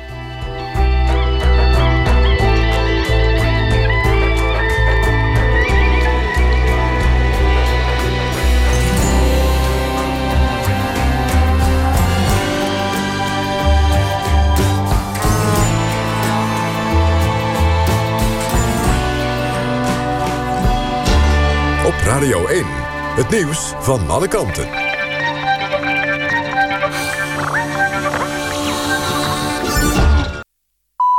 Het is 1 uur, dit is Dorald Megens met het NOS-journaal. De strijd tegen IS in Mosul vordert gestaag. Dat heeft de Iraakse VN-gezant gezegd tegen de VN-veiligheidsraad. Volgens hem betekent de opmars het begin van het einde... van het beoogde kalifaat in Irak. Sinds vorige maand proberen Iraakse en Koerdische militairen... de stad van IS te bevrijden. Er zijn berichten dat de terreurgroep tienduizenden mensen uit hun huizen heeft verdrongen... om ze als menselijk schild te gebruiken. De laatste tijd zijn zeker 35.000 inwoners van Mosul voor IS op de vlucht geslagen. Ongeveer 20.000 mensen zitten in opvangkampen. De Rotterdamse wethouder Snijder is belaagd door boze bewoners van de wijk Hoogvliet. Dat gebeurde op een informatiebijeenkomst over de komst van 12 vluchtelingen met een verblijfsvergunning. De bewoners zijn boos dat die in de wijk komen wonen. Tijdens de bijeenkomst in een sporthal was de sfeer al grimmig, meldt RTV Rijnmond. Op aandringen van de politie vertrok de wethouder van Leefbaar Rotterdam voortijdig. Een tiental mensen achtervolgden hem. Hij werd uitgescholden, werden leuzen geroepen... en mensen schopten tegen zijn auto. De politie heeft niemand aangehouden. De pluimveesector is tevreden over de ophokplicht die per direct is afgekondigd. De Nederlandse vakbond Pluimvee heeft er vertrouwen in dat de maatregel effectief zal zijn tegen de verspreiding van vogelgriep. Alle pluimveebedrijven in Nederland moeten hun vogels binnenhouden. Het is een voorzorgsmaatregel omdat het virus onder meer in Duitsland is vastgesteld. In Nederland zijn ook dode watervogels aangetroffen die vogelgriep hadden. Vermoedelijk gaat het om de H5N8 variant. Dat wordt nog onderzocht. De oefeninterland Nederland-België is geëindigd in een gelijkspel. In de Amsterdam Arena werd het 1-1. Davy Klaassen schoot in de eerste helft een penalty binnen... en Carrasco maakte na rust gelijk. Drie spelers van Oranje gingen geblesseerd het veld af. Schaars, Jansen en Lens. Het weer nog. Vannacht klaart het in het noordoosten soms op. Gaat het licht vriezen en is er kans op mist. Op andere plaatsen blijft het bewolkt... en ligt de minimumtemperatuur net iets boven nul. Overdag eerst wat zon. In de middag en avond gaat het vanuit het zuidwesten regenen. En het wordt 3 tot 8 graden. Dit was het NOS Journaal. NPO Radio 1. VPRO. Nooit meer slapen.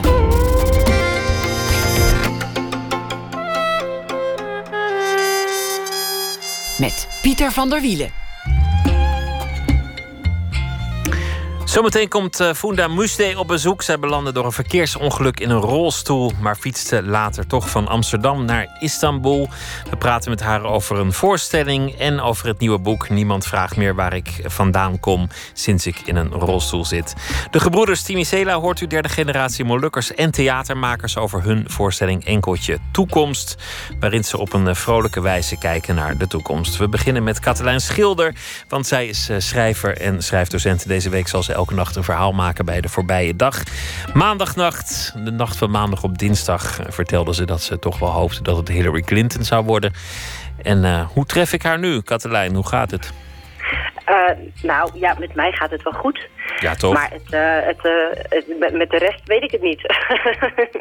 hoe, hoe, heb je, hoe heb je het meegemaakt? Want, want het was toch wel een verrassing. Want iedereen zei, nou ja, het, wordt- het wordt Hillary. En iedereen dacht het te weten. En nu weet iedereen het ook weer. Hoor je ook weer analyses van waar het precies misging. Want nu, nu, Ja. nu weten we het allemaal wel. Maar eh, hoe, hoe heb je het bekeken? Nou, ik, ik was echt heel erg geschokt vanmorgen hoor, toen ik wakker werd. Ik was vrij gerust gaan slapen eigenlijk, naïef als ik ben. En toen zag de wereld er vanmorgen toch een beetje anders uit. En ik was echt, ik had echt zo'n eh, eh, echt zo'n druk in mijn keel, zo, weet je wel? Zo de hele dag. Dus ik dacht, oh nee. En elke keer als ik het heel even was vergeten, dacht ik weer, oh nee, echt. Deze dag lijkt echt wel een jaar te duren ook. Goh. Ja, ik heb vannacht gekeken. Dus ik zag het zo langzaam eh, die kant op gaan. En ja, Ja. Hij, heeft, hij heeft toch gewoon wel echt gewonnen. Ik bedoel, het is wel echt Ja. een overtuigende overwinning. En, en de mensen hebben op hem gestemd. Want dit is eh, wat de kiezers dan toch van die twee het liefste wilden. Ja, nee, dat, ja, dat is waar. Maar ben jij niet bezorgd? Nou, ach, weet je. Het komt al, ja, nee. Eigenlijk, nou, bezorgd. Nee, het is, het is niet dat ik nu met een, met een baksteen in mijn maag hier zit en denk van, eh, van hoe moet het nou verder met planeet Aarde.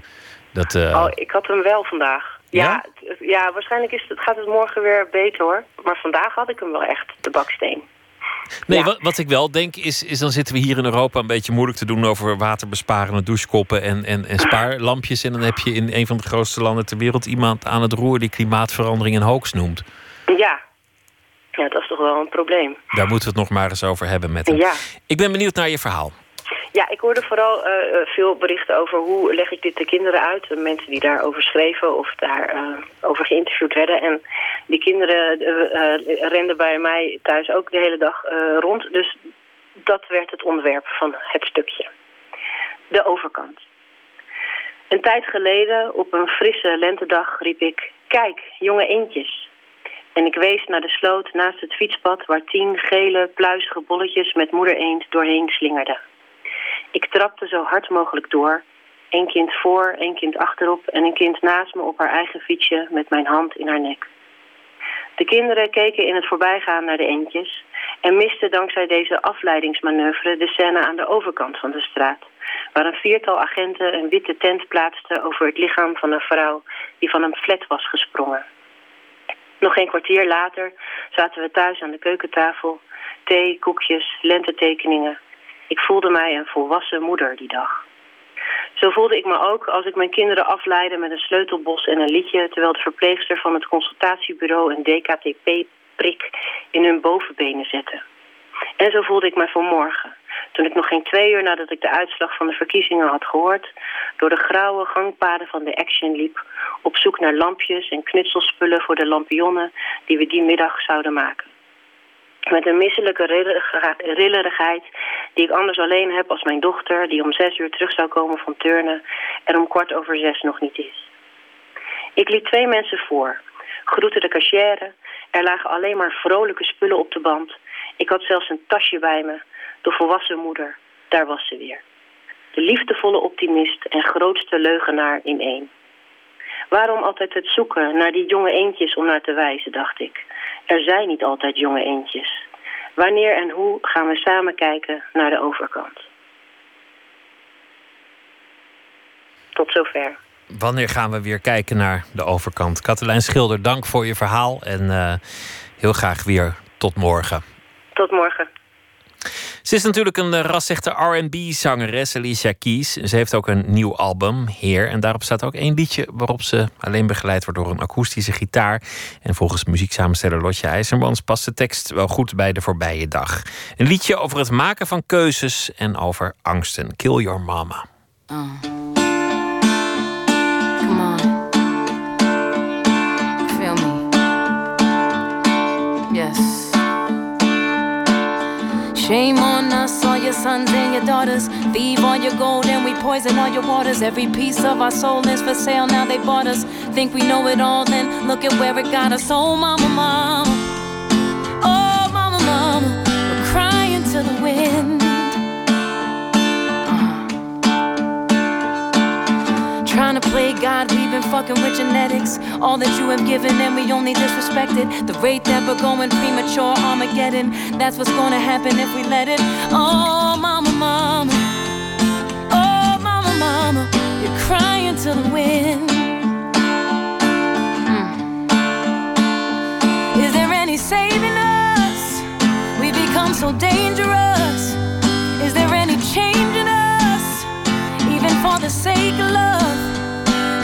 Gonna kill your mama when only mama's gonna love you to the grave? Killing ourselves, falling down with the sickness. Money is the king, it's a dirty, bloody business. There will be no trial, but the child will always witness. If we're in love with hell, why the hell would heaven visit? Oh, mama, mama. Oh, mama, mama. We're crying to the wind.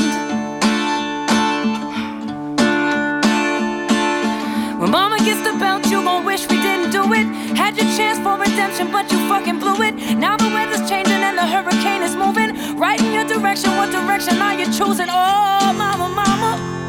Oh, mama, mama. Forgive us for your pain. Is there any saving us? We've become so dangerous. Is there any changing us? Even for the sake of love. How you gonna kill your mama when only mama's gonna love you to the grave? Oh, to the grave. Oh, how we gonna kill your mama? Oh, how you gonna kill your mama? Kill Your Mama van de nieuwe van Alicia Keys was dat. Nooit meer slapen. De gebroeders Timicela, Henry en Joshua besloten een paar jaar geleden de baan op te geven en samen film en theater te gaan maken. In eerste instantie was het plan vooral om mensen van Molukse achtergrond, net als zijzelf, naar het theater te krijgen om ze verhalen te vertellen over identiteit en afkomst. Ze werkten ook aan een film, Jefta, en er kwam een theaterprogramma, eigenlijk een roadmovie op de toneelplanken. En de mensen die kwamen, de zalen die zaten vol. Dus nu hebben ze een vervolgvoorstelling gemaakt met als titel Enkeltje Toekomst. Een herkenbaar, maar beladen verhaal voor een gemeenschap van wie de grootouders ooit met een retourtje op zak aankwamen in Rotterdam en zo Nederland leerden kennen. Matthijs Deen die ontmoette de broers ook exact op die plek, namelijk in Rotterdam op de Lloydkade.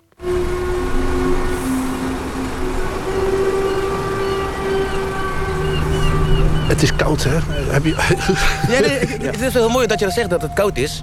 En de- wij zijn hier gewoon opgegroeid. En wij vinden het zelfs koud. En dan, ik, ik, ik bedacht me net, dus open oma die kwamen hier dus aan. Tropisch land. En dit is dan het eerste wat zij dan voelen. Ja. Dus zullen zij het nog veel kouder hebben gehad. Ja. En, en, eh, We wat, zijn de winter gewend. ja, ja. Zij hebben winter nog nooit meegemaakt. Ja. En dat, dat ze dan aankomen en gewoon dit als, als eerste... sandalen. Als eerste zien inderdaad. Dat Ja. is bijzonder. Ja, ja, ja. Zijn je grootouders er nog? Nee, nee, die zijn er al 15, 16 jaar niet meer. Ja. Het is dan ook alweer 65 jaar geleden dit jaar dat de schepen uit Indonesië aankwamen in Amsterdam en hier aan de Lloydkade in Rotterdam. Aan boord duizenden militairen. Ze hadden gediend in het Koninklijk Nederlands-Indisch leger, het KNIL. Ze wilden na de machtsoverdracht in Indonesië niet opgaan in het leger van Sukarno. Ze wilden terug naar de Zuid-Molukken. Maar dat stond Sukarno niet toe, want het was daar onrustig. Er was zelfs een onafhankelijke republiek uitgeroepen.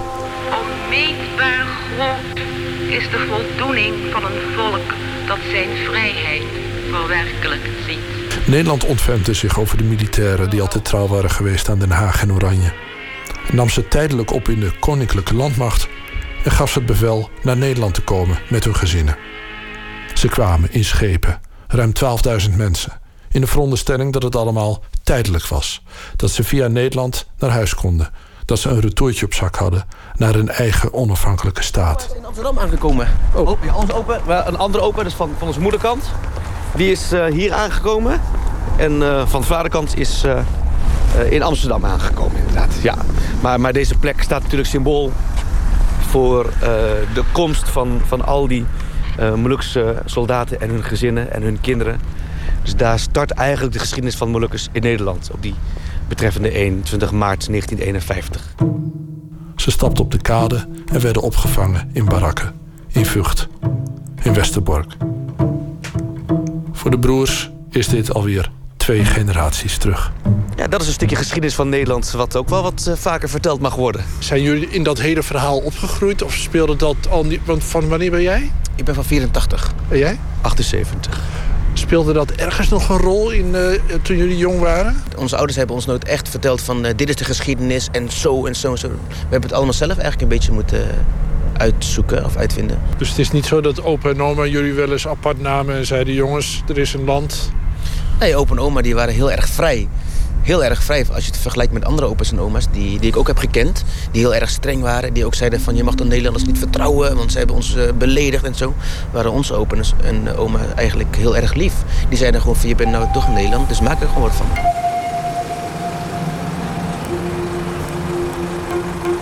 Gingen jullie wel eens naar het theater toen je jong was? Ehm, eigenlijk niet. Maar ik, we keken het wel altijd op televisie. Herman Vinkers, Freek de Jonge. En want papa die hield erg veel van theater. Dus we keken wel altijd echt bijna wel erg vaak eh, theater. je hebt er niks aan verder. Oma stond zelf ook op de planken. Oma heeft, eh als oma die heeft eh, eh, zich aangesloten bij de Molukse theatergroep vroeger. En eh, ja, daar gingen we, gingen, gingen we mee en ging ze vertellen. En dat Maar was- wat, wat stond er op de planken dan als zij... eh, Zij, zij, zij vertelde over eh, de komst, aankomst en eh, haar leven als, als een, een, een vrouw van een soldaat. Waarvan de toekomst eigenlijk heel onbepaald is. Dat was jullie, jullie oma? Ja, de moeder van onze vader. Hoe deed ze dat op de planken? Geweldig. Dat is een grote inspiratiebron. Maar oma die was gewoon iemand die echt vanuit het hart sprak. En als zij binnenkwam, dan was het gewoon gelijk... Iedereen keek dan gelijk naar haar en dan hoefde ze nog niet wat te zeggen. En dat is gewoon zo'n krachtige vrouw. Ze was ook gewoon eh, een van de eerste oma's die ook gewoon appels ging plukken. Die, Bij- eh, de boerderij bij de boerderij, die tractor reed, brommen reed. Want die had gewoon zoiets van, ik moet gewoon geld verdienen. zodat mijn kinderen en kleinkinderen gewoon lekker kunnen leven. Ja. En opa die eh, was eh, de dominee, nooit predikant. En ook nog zat hij bij de leger des Heils. Ook een, een- dus Een hij, huissoldaat. hij, hij trad dus eigenlijk ook op. Eigenlijk wel. Opa was een hele bekende in Den Bosch. Iedereen die kende hem daar ook, omdat hij daar gewoon met zijn, eh, hoe noem je dat, zo'n collectebus Ja. overal rondliep en de kroegen inging. Dus eh, als ze zeggen van, je van Timocela? Oh, van die, eh, van die meneer in Den Bosch? Ja, dat is mijn opa. Dus dat is wel, eh, ja. entertainment, of hoe zeg je dat, zit wel in ons eh, bloed. Als iemand aanwijst, was altijd zo, toch? Hij heeft het gedaan. Maar lukkig wijzen met het gezicht. Zal ik? En als iemand niet mogen, als iemand niet mogen, wie heeft gedaan?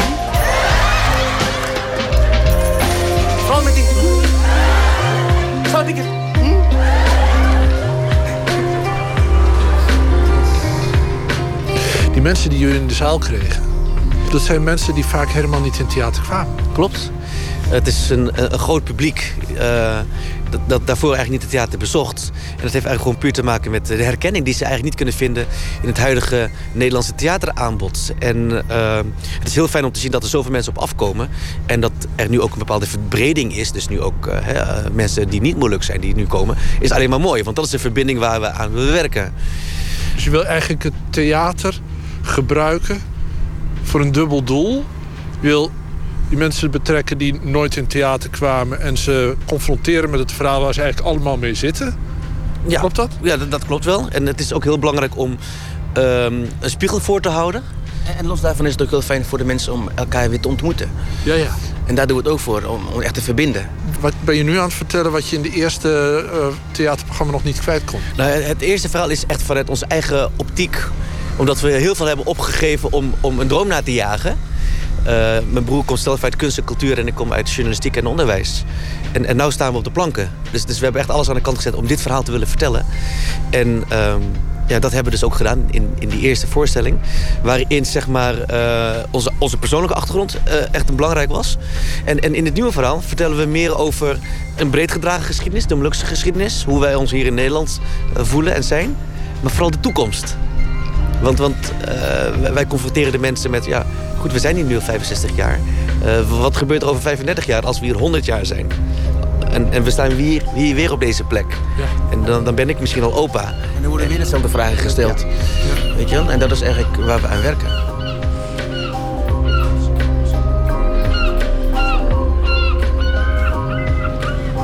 Betekent deze plek nog... Want besch- beschrijf de plek eens. Jij bent een radioman. Beschrijf de plek eens. Nou, je ziet eh, natuurlijk de Maas, de, de Lloydkade zien we hier. En ehm, heel veel bedrijvigheid, heel veel industrie. Het is een havenstad. Zelfs een schip aangemeerd hier. Het is, eh, en het, als ik aan de vlag te zien, het is gewoon een Hollands schip. Nou, dat, ja, ik stel me dan zo voor dat, dat die, die Cotta Inten hier dan kwam. En eh, ja, de touwen worden hier omheen gegooid. En de eerste mensen stappen uit en zetten voet aan wal. Op dezelfde klinkers misschien. Dezelfde klinkers misschien. Vol goede hoop. Want ze hebben natuurlijk... eh, een retourtje op zak. Een retourtje op zak. En ze hebben eh, trouw beloofd aan de driekleur. En door de eeuwen trouw zijn ze altijd gewoon standvastig gebleven in die, eh, in, met die gedachten. Waren het niet dat ze onderweg al ontslagen waren. Ja. Dus, dus soldaat Timcela kwam hier aan en was ook gelijk geen soldaat meer. Ja, dat is heel zuur. Heb jij enig idee hoe ze die teleurstelling hebben verwerkt? Geloof speelde ook denk ik een hele grote rol. Het, eh, ja, het, zal wel, een- het zal wel een reden hebben. Ja, God heeft ons hier gebracht, dus we en, ik- moeten- en- weet je wel, ja. ja. en ik denk dat opa en oma dat niet heel erg op ons hebben geprojecteerd. Nee. En misschien ook niet op, op eh, de kinderen. Er, er zijn wel eh, broers van, van onze vader die ook aan eh, bepaalde acties hebben meegedaan. Uh, hongerstakingsacties, nou noem het allemaal maar op. Eh, vanuit hun eigen overtuiging. Maar, maar opa en oma hebben naar hun kleinkinderen nooit echt gedacht van... nee, wat mijn broer al zei... eh, vertrouw die Hollanders niet, want ze hebben ons, dat, dat heeft opa nooit gezegd. Bij opa thuis hing een foto van koningin Beatrix. En Klaus. En Klaus. Ja. En ook al was hij ontslagen, hij bleef trouw. Ja, dat, maar, dat is heel, was heel apart om te zien. En hij, hij hees ook gewoon de Nederlandse vlag. Maar is dat iets wat en de jou... Molukse vlag. En de Molukse vlag. En de Molukse vlag, ja. Maar is dat iets wat jullie ontroert of irriteert eigenlijk ook een beetje? Ontroert mij wel. Ik vind het wel mooi om te zien hoe trouw opa dan was. Ja, heel ook was schrijnend. Ja, schrijnend, maar het, geeft mij, het inspireert mij wel. Ja, zeker. Ik- Toen ik 16, 17, 18 was, was ik ook boos op het systeem, op Nederland. Waarom hebben ze dat gedaan en waarom staan wij nog steeds niet in de schoolboeken? Dus ik vond het vreemd dat opa dan eh, de Nederlandse vlag hees. En diezelfde vlag had hem dan ook verraden. Dat vond ik vreemd. Maar hij weerlegde dat en zei van... Maar, maar we zijn nu hier. Dus, dus, dus maak er het beste van. Ja. Het andere grote thema is, is natuurlijk de acties. Je noemde zo net ook al acties. Eh, Die zijn eh, uiteindelijk ook eh, tot... eh, hè, je hebt de treinkapingen gehad. Hoe heeft jullie familie dat verwerkt? En hoe verwerken jullie dat dan weer in je programma? Ja, papa die is in de jaren eh, 77 is hij ook echt bedreigd op zijn werk. Hij is chefkok. Hebben ze echt hem eh, met de mes, met de mes hebben ze, eh, bedreigd. Is hij ook echt eh, naar huis gebracht. Maar hoe, wij, zijn- hoe zijn wij daar eigenlijk mee omgegaan? Ja, we zijn natuurlijk een generatie na die acties. Ja. Dus, dus ja... eh, Dus we kennen het alleen van verhalen, documentaires. En er werd niet thuis over gesproken. Eh, ehm, maar als, als we het erover hadden, dan was er wel begrip voor. Ja. Want, want- omdat wij ook wel snappen waar die woede vandaan kwam... wat tot zo'n actie heeft geleid. Het was hun manier om hè, aandacht te trekken. En ik, ik begrijp het ook in de tijdsgeest, ook in de jaren hè, 70. Als niemand echt naar je luistert... als je honderdduizenden petities hebt eh, ingeleverd en nog steeds niet... ja, dan, dan begrijp ik wel eh, echt dat je, dat je dan een trein gaat kapen. Het is niet zo dat ik dan zeg van stel je voor als ik in die tijd... dat weet ik niet. Dat, dat is een, een hele andere tijdgeest. Ik kan niet denken als iemand van de jaren 70... omdat ik gewoon van de 84 ben. Ja. Ja. Verwerken jullie dat nog ergens in je programma? Ja, dat verwerken we in ons programma. Op wat voor manier? Eh, Door een spiegel voor te houden. We hebben een verhaal waarin we eh, de mensen laten nadenken... om het verhaal eens van meerdere kanten te zien. Ik kan er niet te veel over kwijt. De, de Molukse mensen zien het vanuit één kant. Nou, wij proberen het te, te laten zien om het van de andere kant te bekijken. En de Nederlandse mensen die daar een mening over hebben... maar misschien niet goed geïnformeerd zijn... die willen we ook laten zien van... Nou, dit is dan de kant van, eh, van het Molukse optiek.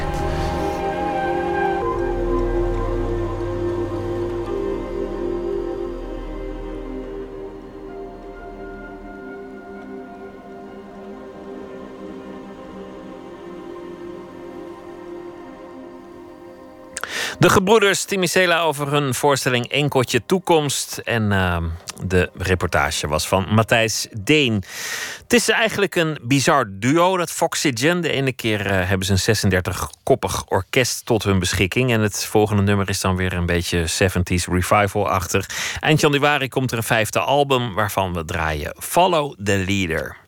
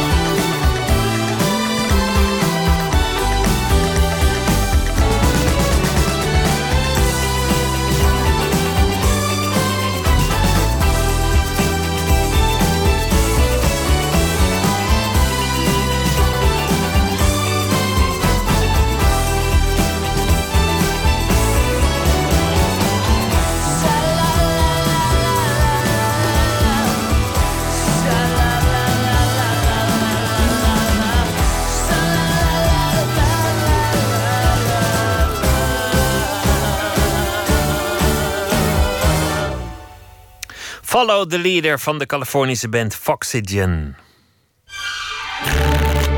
Open kaart.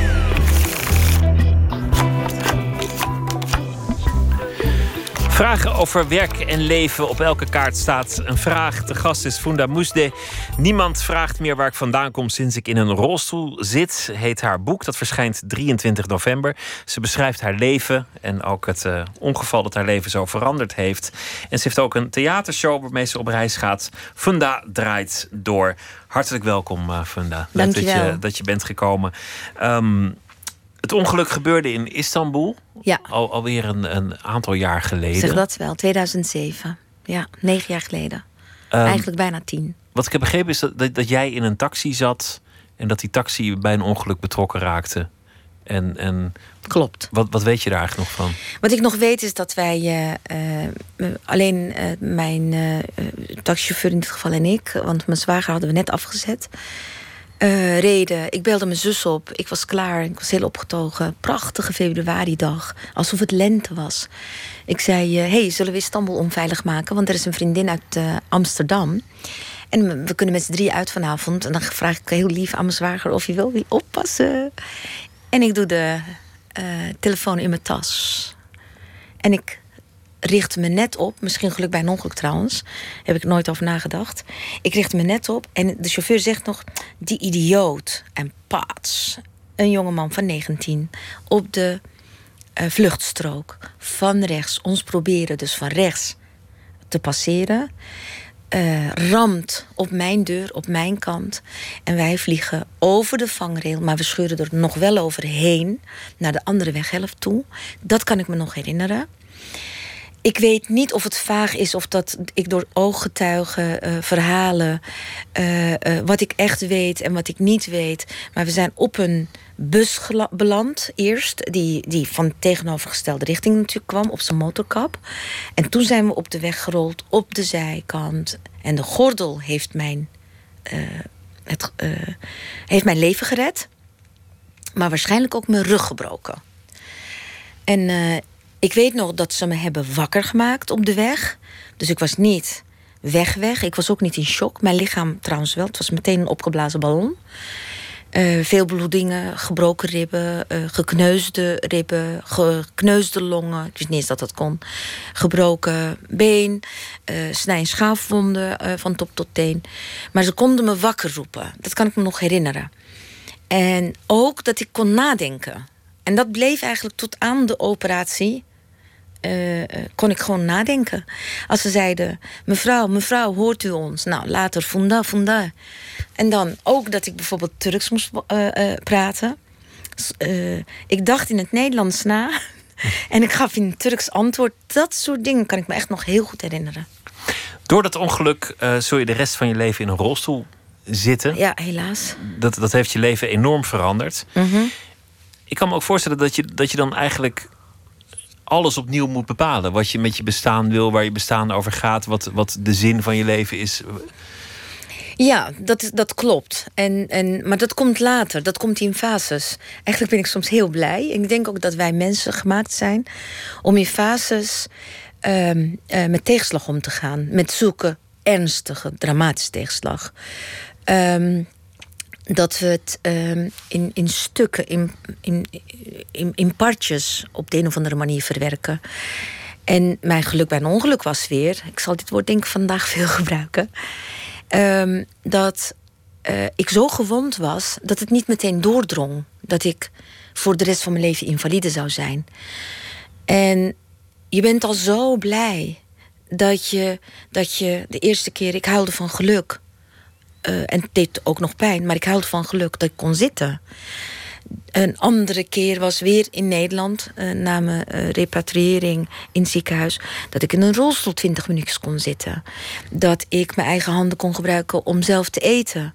Want mijn ribben, alles, dat was zo dat, dat ik mijn eigen haar niet eens aan kon raken. Dus, je moest alles stap voor stap heroveren. Ja, alles. En in die tijd ga je een proces door dat je, dat je het begint te verwerken. Dus de zin van het leven, dat soort vragen, die kwamen eigenlijk later. Want in het begin was ik ook heel optimistisch, gek genoeg. Op intensive care in Istanbul dacht ik al... Oké, ik ging niet alleen mezelf, maar ook waarschijnlijk mijn omgeving, mijn man, mijn vader troosten. Ehm, ik pak mijn leven weer op, want ik kan nog altijd schrijven. Zittend. Ik kan ouwe hoeren met mijn mond. Dus zolang mijn verstand en mijn mond het doen, kan ik eigenlijk nog steeds mijn aantal van mijn beroepen uitoefenen. Alleen zittend, ja, sorry, helaas. Dus theater maken, acteren, schrijven. ja, ja. Alle dingen die je ook doet. Je hebt ook, en daar hebben we in de tijd in dit programma ook aandacht aan besteed, een eh, tocht gemaakt op een, op een fiets. Niet, niet een fiets die je met je benen bedient, maar met de handen. Een handbike, een, hand- handfiets, ja. Een, een tocht helemaal naar Turkije toe. Ja, van Istanbul, eh, van Amsterdam naar Istanbul. Van Amsterdam naar Istanbul. Ja. Een onvoorstelbare afstand. Zeker om helemaal met je handen te doen. En ook zeker als je niet zelf van je fiets kunt afstappen. En, en ook permanent hulp nodig hebt. Klopt. Waarom wilde je dat zo graag? Ik, ik was in 2013, dan kom ik terug op je vorige vraag van de zingeving. Eigenlijk zes jaar na mijn ongeluk had ik de grootste dip, denk ik, van mijn leven. In ieder geval na mijn ongeluk. Toen was ik echt alles kwijt. Het gevoel dat ik er niet meer toe deed. Eh, werk, de crisis had zo ongelooflijk hard toegeslagen. In, vanaf zo 2010, 11 begon het in onze sector. Maar bij mij was het echt extra door de rolstoel. En dan komt er ook nog eens mijn leeftijd erbij. Ineens dacht ik, ik doe er echt niet meer toe. Mijn kinderen zijn ook wat groter. Dus ik had alles gedaan om me te bewijzen wat je maar kon doen. Ik had nog anderhalf jaar radio gepresenteerd. Ik heb gewerkt. Ik, ik heb het podium weer opgezocht. Ik heb geschreven. Tot eind 2012 nog in de Telegraaf. En, en ineens... En de telefoon was ook wel stil. Dus acteren, dat heb ik toen eh, eh, eh, wel voor de reis, denk ik. dat, dat miste ik. Maar dat kon ik echt op mijn buik schrijven. Er zijn gewoon geen rolstoelrollen. En of dat besef drong beter of meer door. Of ik weet niet wat het was. Een stukje ook de leeftijd. Ik weet het niet. Maar ik was met mijn ziel onder mijn arm. En ik kreeg een interviewaanvraag voor de wandeling. Dat was zo grappig. Ik denk, de wandeling, moet de gast dan meewandelen? Kent u dat programma? Ik zei tot mijn grote schaamte niet. Nu wel natuurlijk. een van mijn populairste programma's. Ik zei, eh, maar de bedoeling is dus dat de presentator met mij wandelt. U weet dat ik in een rolstoel zit? Ja, dat weten we. Maar... eh, en er staat al een jaar op ons lijst, verlanglijstje. Wilt u? Ik zeg op één voorwaarde, als de presentator met mij meewandelt. Wa- eh, meefietst bedoel ik. Want mijn wandeling, mijn realiteit, is handbiken. Dat is mijn wandeling. Ik ga niet in een rolstoel wandelen. Met mijn man niet, alleen niet. En met de presentator moet hij naast me wandelen... terwijl ik zelf en rol en praat en vragen beantwoord. En gaat hij achter me staan met zijn 1,90 meter, mij duwen... en dan ik naar achteren kijken. Dus dat zag ik helemaal niet zitten. Hebben ze in de week gelegd. De presentator is Sander de Kramer. Dus die schat die zei eh, meteen ja. En eh zo gezegd, zo gedaan. Maar toen kwam ik op het idee... wacht even, ik doe het niet op een aankoppelfiets... Ik ga gewoon Berkelbike bellen.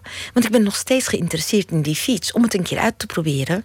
Want op het revalidatiecentrum had ik het gezien. Maar hij paste mij niet. Ik ben te klein. En hij was voor een man van 1,90 meter. Ik dacht... En hij kostte 10.000 euro. Ik denk misschien, misschien zijn ze geïnteresseerd... dat ik en een recent model op mijn maat mag uitproberen... en eh, eh, dat ze denken, weet je, we komen gratis reclame op tv. Nou, zo heeft het ook uitgepakt. Ze waren heel sportief. Ze zeiden ook, ja natuurlijk, wat leuk, win-win. Ik werd verliefd op die fiets. Die fiets heeft mijn leven veranderd. Ik fietste op de dijken en ik was veel verder van huis dan ik ooit kon. Mijn man moest me erop helpen, maar ik kon heel ver komen. En dan kwam ik terug. En zo kwam het plan. en zo het- kwam het plan. Echt om. Ik dacht, ik zou alles uit mijn handen laten vallen. Om, om, om door te fietsen. Ik voelde me zo gelukkig. Want je had, weer, je had weer richting, je had vrijheid, je had een doel. En, en Beweging en vrijheid. Turkije is En natuurlijk. daarna een- kwam dat erbij, ja. En toen had ik er alles voor over. Ik heb er ook heel veel voor getraind. We gaan ehm, beginnen met, met de vragen. Want eh, ja, Ja, anders gaat de tijd, ja. hier, zijn, hier is de, de bak met vragen. Ik wil je vragen om, eh, om een kaart te trekken. Oké, nou. Je hebt die engelenkaart, ik weet niet of je ze kent. Dat je dan. eh, Waar geef je het meeste geld aan uit? Nou, op dit moment aan het realiseren van mijn voorstelling. Ja, Dat moet je zelf bekostigen totdat de kaartjes verkocht zijn. ja, ja en, eh, en, eh, en, en hopen dat je het eruit krijgt. Maar dat, is nu op dit moment. het geval. Ja. Laten we nog een eh, proberen. Je, je, je voorstelling, je vertelt over je, over je leven, over je reis, over, over wie je bent, over wat je hebt meegemaakt. En ook een beetje over de migratie, hoe we naar Nederland zijn gekomen. Dat, dat verhaal. En, en Ja. dat allemaal ook nog met, met een beetje humor, want dat past ook ja, jou. ja, een beetje zelfspot. En, eh, en eigenlijk ontstond vanzelf, want ik wilde de fietsreis en het ongeluk, rolstoel, zelfspot, eh, hoe het is. En ook omdat mensen mij heel veel vragen stellen over hoe is het in, in de rolstoel, eh, tot en met, ja, heb je gevoel, heb je pijn, hoe doe je dit dan? Ja, maar je man dan, of ze vinden je zielig, of ze denken dat je afhankelijk bent, of ze vragen of je seks hebt. Ik, ik, ma ik maak zulke grappige dingen mee. En zo kwam ik er dus ook op. Dat ik dacht, hé, hey, wat grappig. Niemand vraagt meer waar ik vandaan kom. Niemand zegt meer eh, En vroeger over... deden ze dat wel altijd. Ja, ja, hoe lang woon je al in Nederland? Waar kom je eigenlijk vandaan? Ben je een Marokkaan of een Turk? En eh, wat spreek je goed Nederlands? Of, ah, je kan het net horen, weet ik. Altijd was er iets. En nu was het meer, en dat noem ik ook contact in een snelkookpan. Eh, eh, van goh, eh, en dan komen ze met de meest intieme ook zelf dus verhalen. Alsof het heel drempelverlagend werkt, mijn rolstoel. Om, dat noem ik dus echt contact in een snelkookpan, zonder maskers, zonder boa. We komen meteen tot de kern. En dat, dat heeft zo'n schoonheid ook aan gesprekken opgeleverd, maar ook natuurlijk hilarisch. Dat mensen gewoon vertellen dat ze een borstprothese hebben, dat niemand dat weet. Of een geamputeerde been onder die broek die niet te zien is. En dat ze het vaak niet vertellen aan iemand. Opgehangen blaas. Tjeu. Ja. Nou, vertel eens over de vraag. Wat, heb je, wat staat er? Ah, hoe ver reiken je ambities? Ah. Dat is wel een interessante vraag voor mij, ja.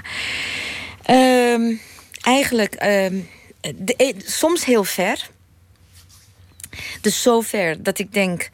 eh, eh, ik ben inmiddels 50, 50er.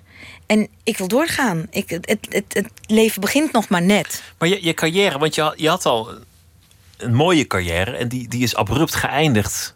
Ja, onderbroken Deels- wel, ja. Deels door dat, dat ongeluk, Ja. maar ook een beetje door de crisis, zei je. Dus dat stond ineens helemaal Ja. stil. Dat, dat heb je wel weer moeten oppakken. Ja.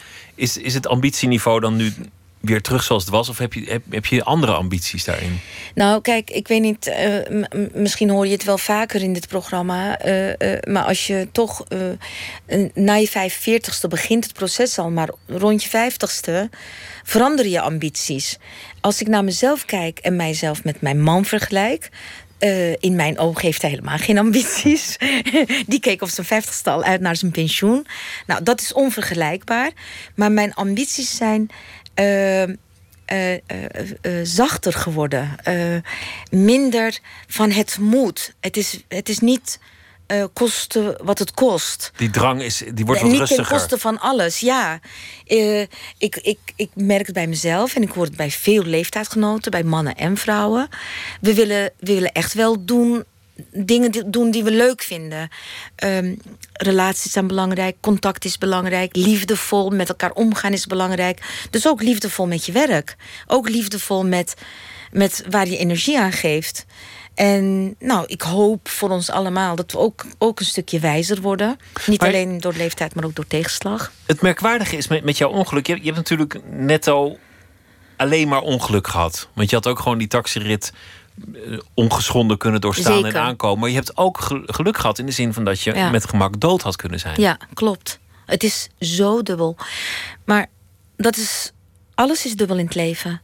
Het is zo die zijde draad inderdaad. Of de medaille heeft twee kanten. Totaal een raar ander voorbeeld met, met, met, met precies het raakvlak dat een medaille twee kanten heeft. Als Turkse actrice of actrice met een, een, een ander uiterlijk en met, met Turkse achtergrond, heb ik heel veel rollen niet gekregen. Terwijl ik de hemel ingeprezen ben als actrice. Gewoon echt de hemel.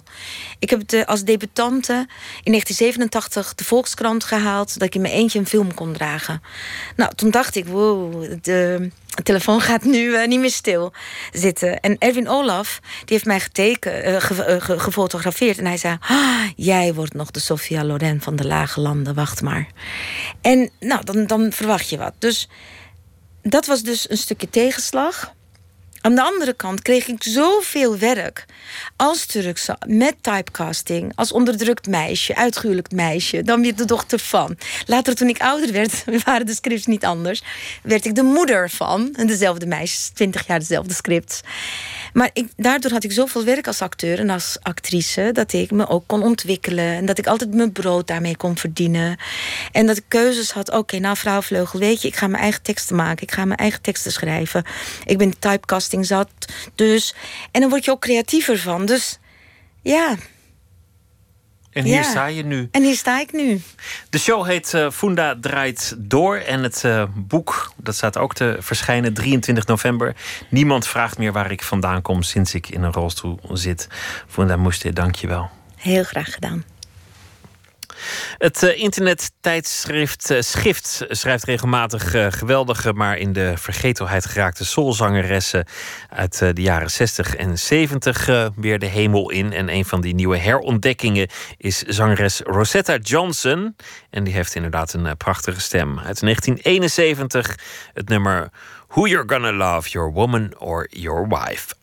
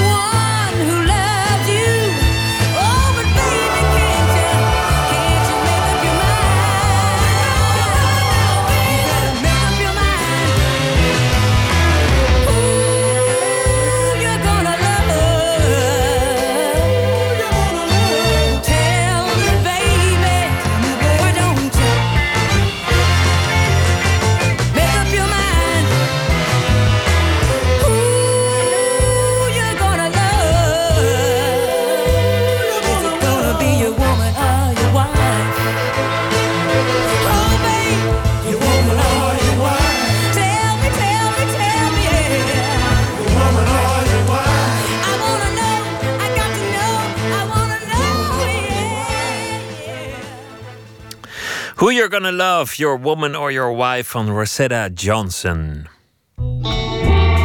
Nooit meer slapen.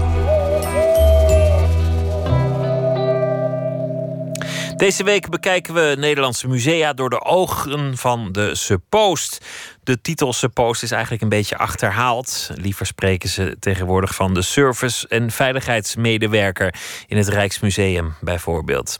Het tweede deel van de serie. Mark Davids leidt onze verslaggever Remy van der Brand rond in het Rijksmuseum in Amsterdam.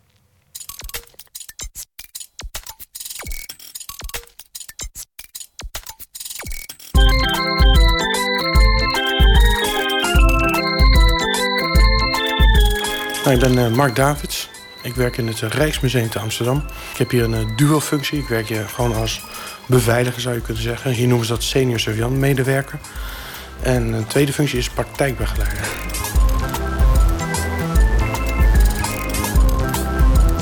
Ik uh, ben hier bijna negen jaar in het Rijksmuseum. Ik ben hier nooit op een vaste plek. Wij circuleren en draaien overal. Dus van de 20e eeuw tot en met de middeleeuwen, de 17e eeuw, de 18e en de 19e eeuw hebben we hier. En ook uh, heel bekende, de Eregalerij.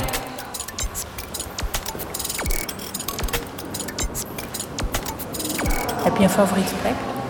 Mijn favoriete plek zelf is de 20e eeuw. En dat is uh, waar het modernisme begint. Dat is in twee delen verdeeld, van 1900 tot 1950. En het andere deel hierboven is van uh, 1950-2000. Maar mijn voorkeur gaat uit naar de eerste helft van de 20e eeuw. Welke verdieping is dat dan? Dus op de derde, dan gaan we daar en dan uh, eentje hoger. We zijn bijna aan de top van het uh, museum.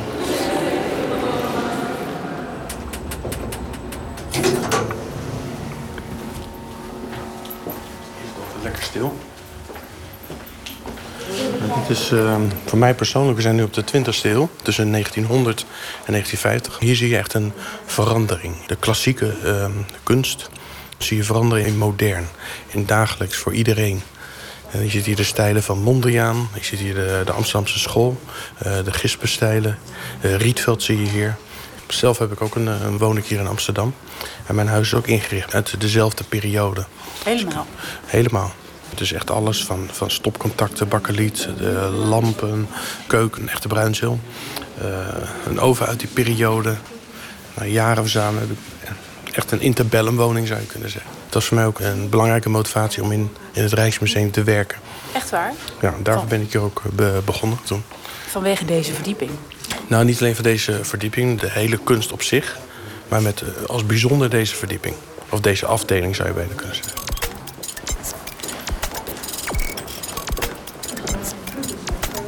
Hier zie je nog uh, een Mondriaan hangen. En in, echt in, de, in zijn oude stijl uh, geschilderd.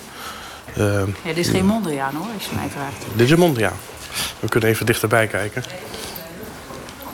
Dit was echt nog in de periode, in zijn vroege tijd.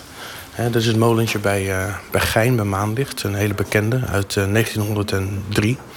En hier zie je echt nog de, de klassieke Mondriaan. Nou, hier, later wordt hij wat ouder. En je ziet een enorme verandering. Dat hij ineens de, de klas van de klassieke stijl afwijkt.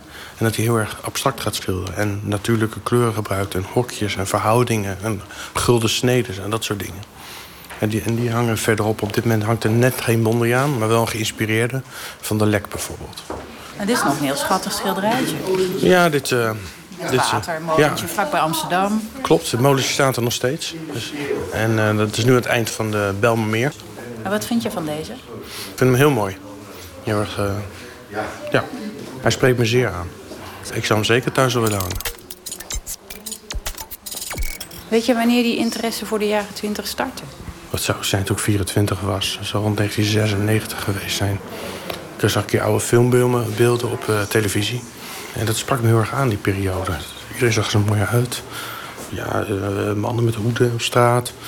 Mooie auto's, mooie architectuur. En tot een tijd die nu vandaag de dag dat allemaal wat, wat, wat simpeler is geworden, wat, wat soberder is geworden. Wanneer ging het mis? Nou, ik zag niet echt dat het misging. Er is wel een verandering. Dat is natuurlijk in de jaren 60 geweest. Toen was het meer van uh, flink roken in een veld of op een uh, podium met je hoofd schudden. En die vorm van vrijheid werd er toen gedaan. Ja. Dat is niet de idealen die uit die tijd daarvoor kwamen. En de kunst die daarbij hoort, vind je dus ook minder interessant. Ja, je ziet ook echt een enorme kentering in de, in de kunst na de Tweede Wereldoorlog. Wat ik persoonlijk van vind, niet heel erg geïns- geïnspireerd.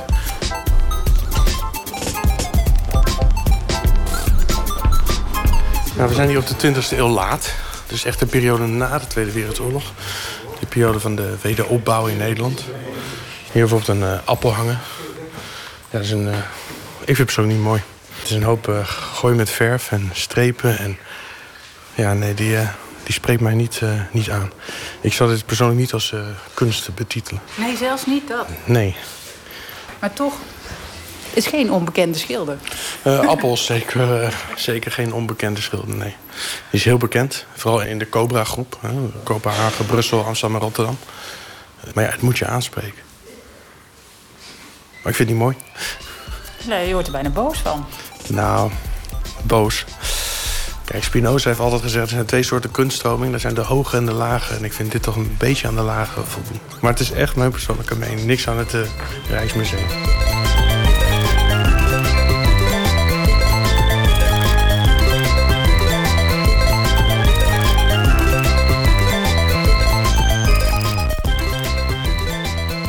Mark Davids, werkzaam bij het Rijksmuseum in Amsterdam. Morgen een derde deel over de Suppost. En dan gaan we naar het Scheepvaartmuseum.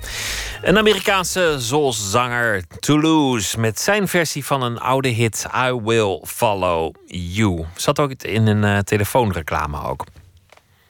I will follow you, follow you wherever you may go. There isn't an ocean too deep, a mountain so high it can keep, keep me away.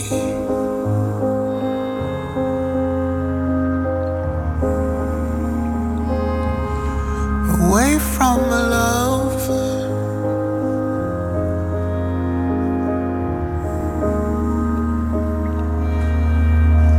I love you, I love you, I love you. Go, I follow, I follow, I follow. You'll always be my true love, my true love, my true love. Forever. I will follow you. Ever since you touched my hand, I knew. Knew I always must be.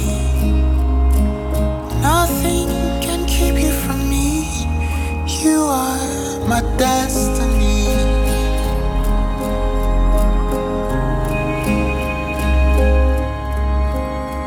I love you, I love you, I love you.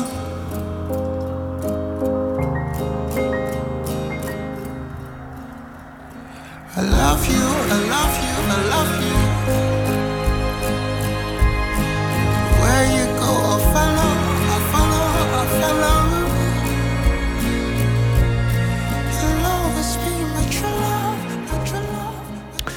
I Will Follow You van eh, Toulouse was dat. We eindigen met poëzie van Daniel Vis. Deze week zal hij elke nacht een gedicht uitkiezen. Vannacht is dat Black Box Exe.exe 1.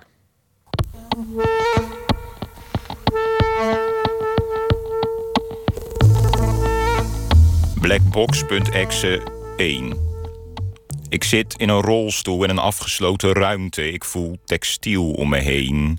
De kleren ruiken naar wasmiddel. Ik ken de kleren niet. De draden in de stof raken me overal tegelijk aan. Ik beweeg mijn handen om de draden vast te pakken. Het weefsel probeert controle over me te krijgen. Ik grijp steeds mis. Er is een lichaam tegenover me. Het observeert mijn gedrag. Het is op zoek naar patronen. Het lichaam heeft een simpel gezicht. Mond, neus, ogen. De componenten van het gezicht bewegen. De mogelijke posities liggen in vlakken rond een nulpunt. De componenten zitten vast aan een structuur onder de oppervlakte. Het gezicht verandert in stop motion. Ik moet reageren.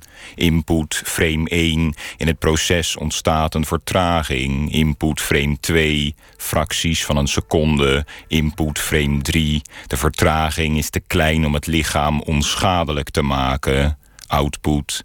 In respons vormt mijn gezicht automatisch van elk frame een kopie.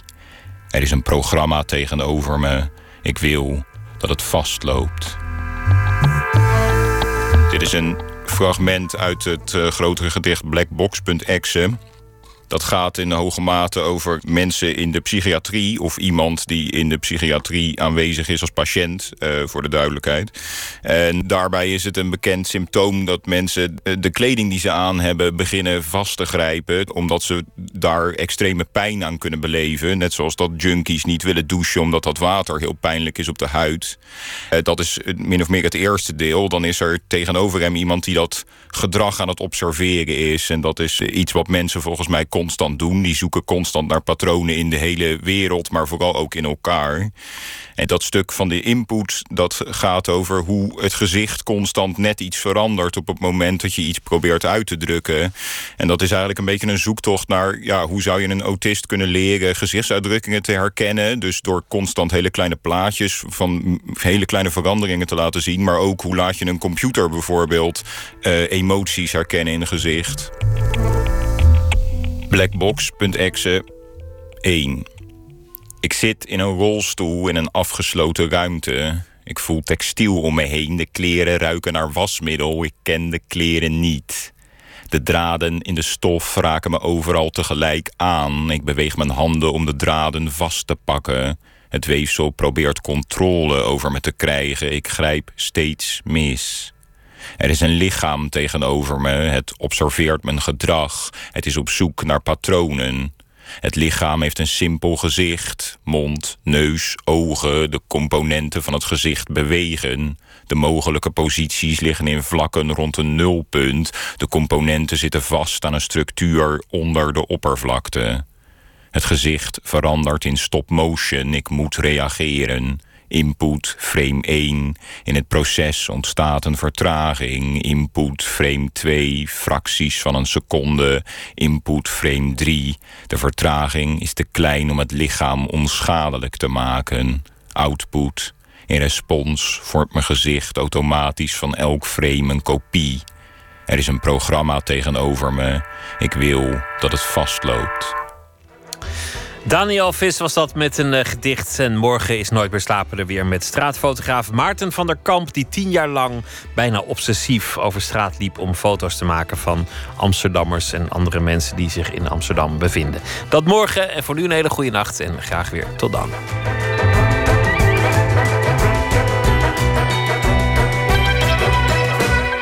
Op Radio 1, het nieuws van alle kanten.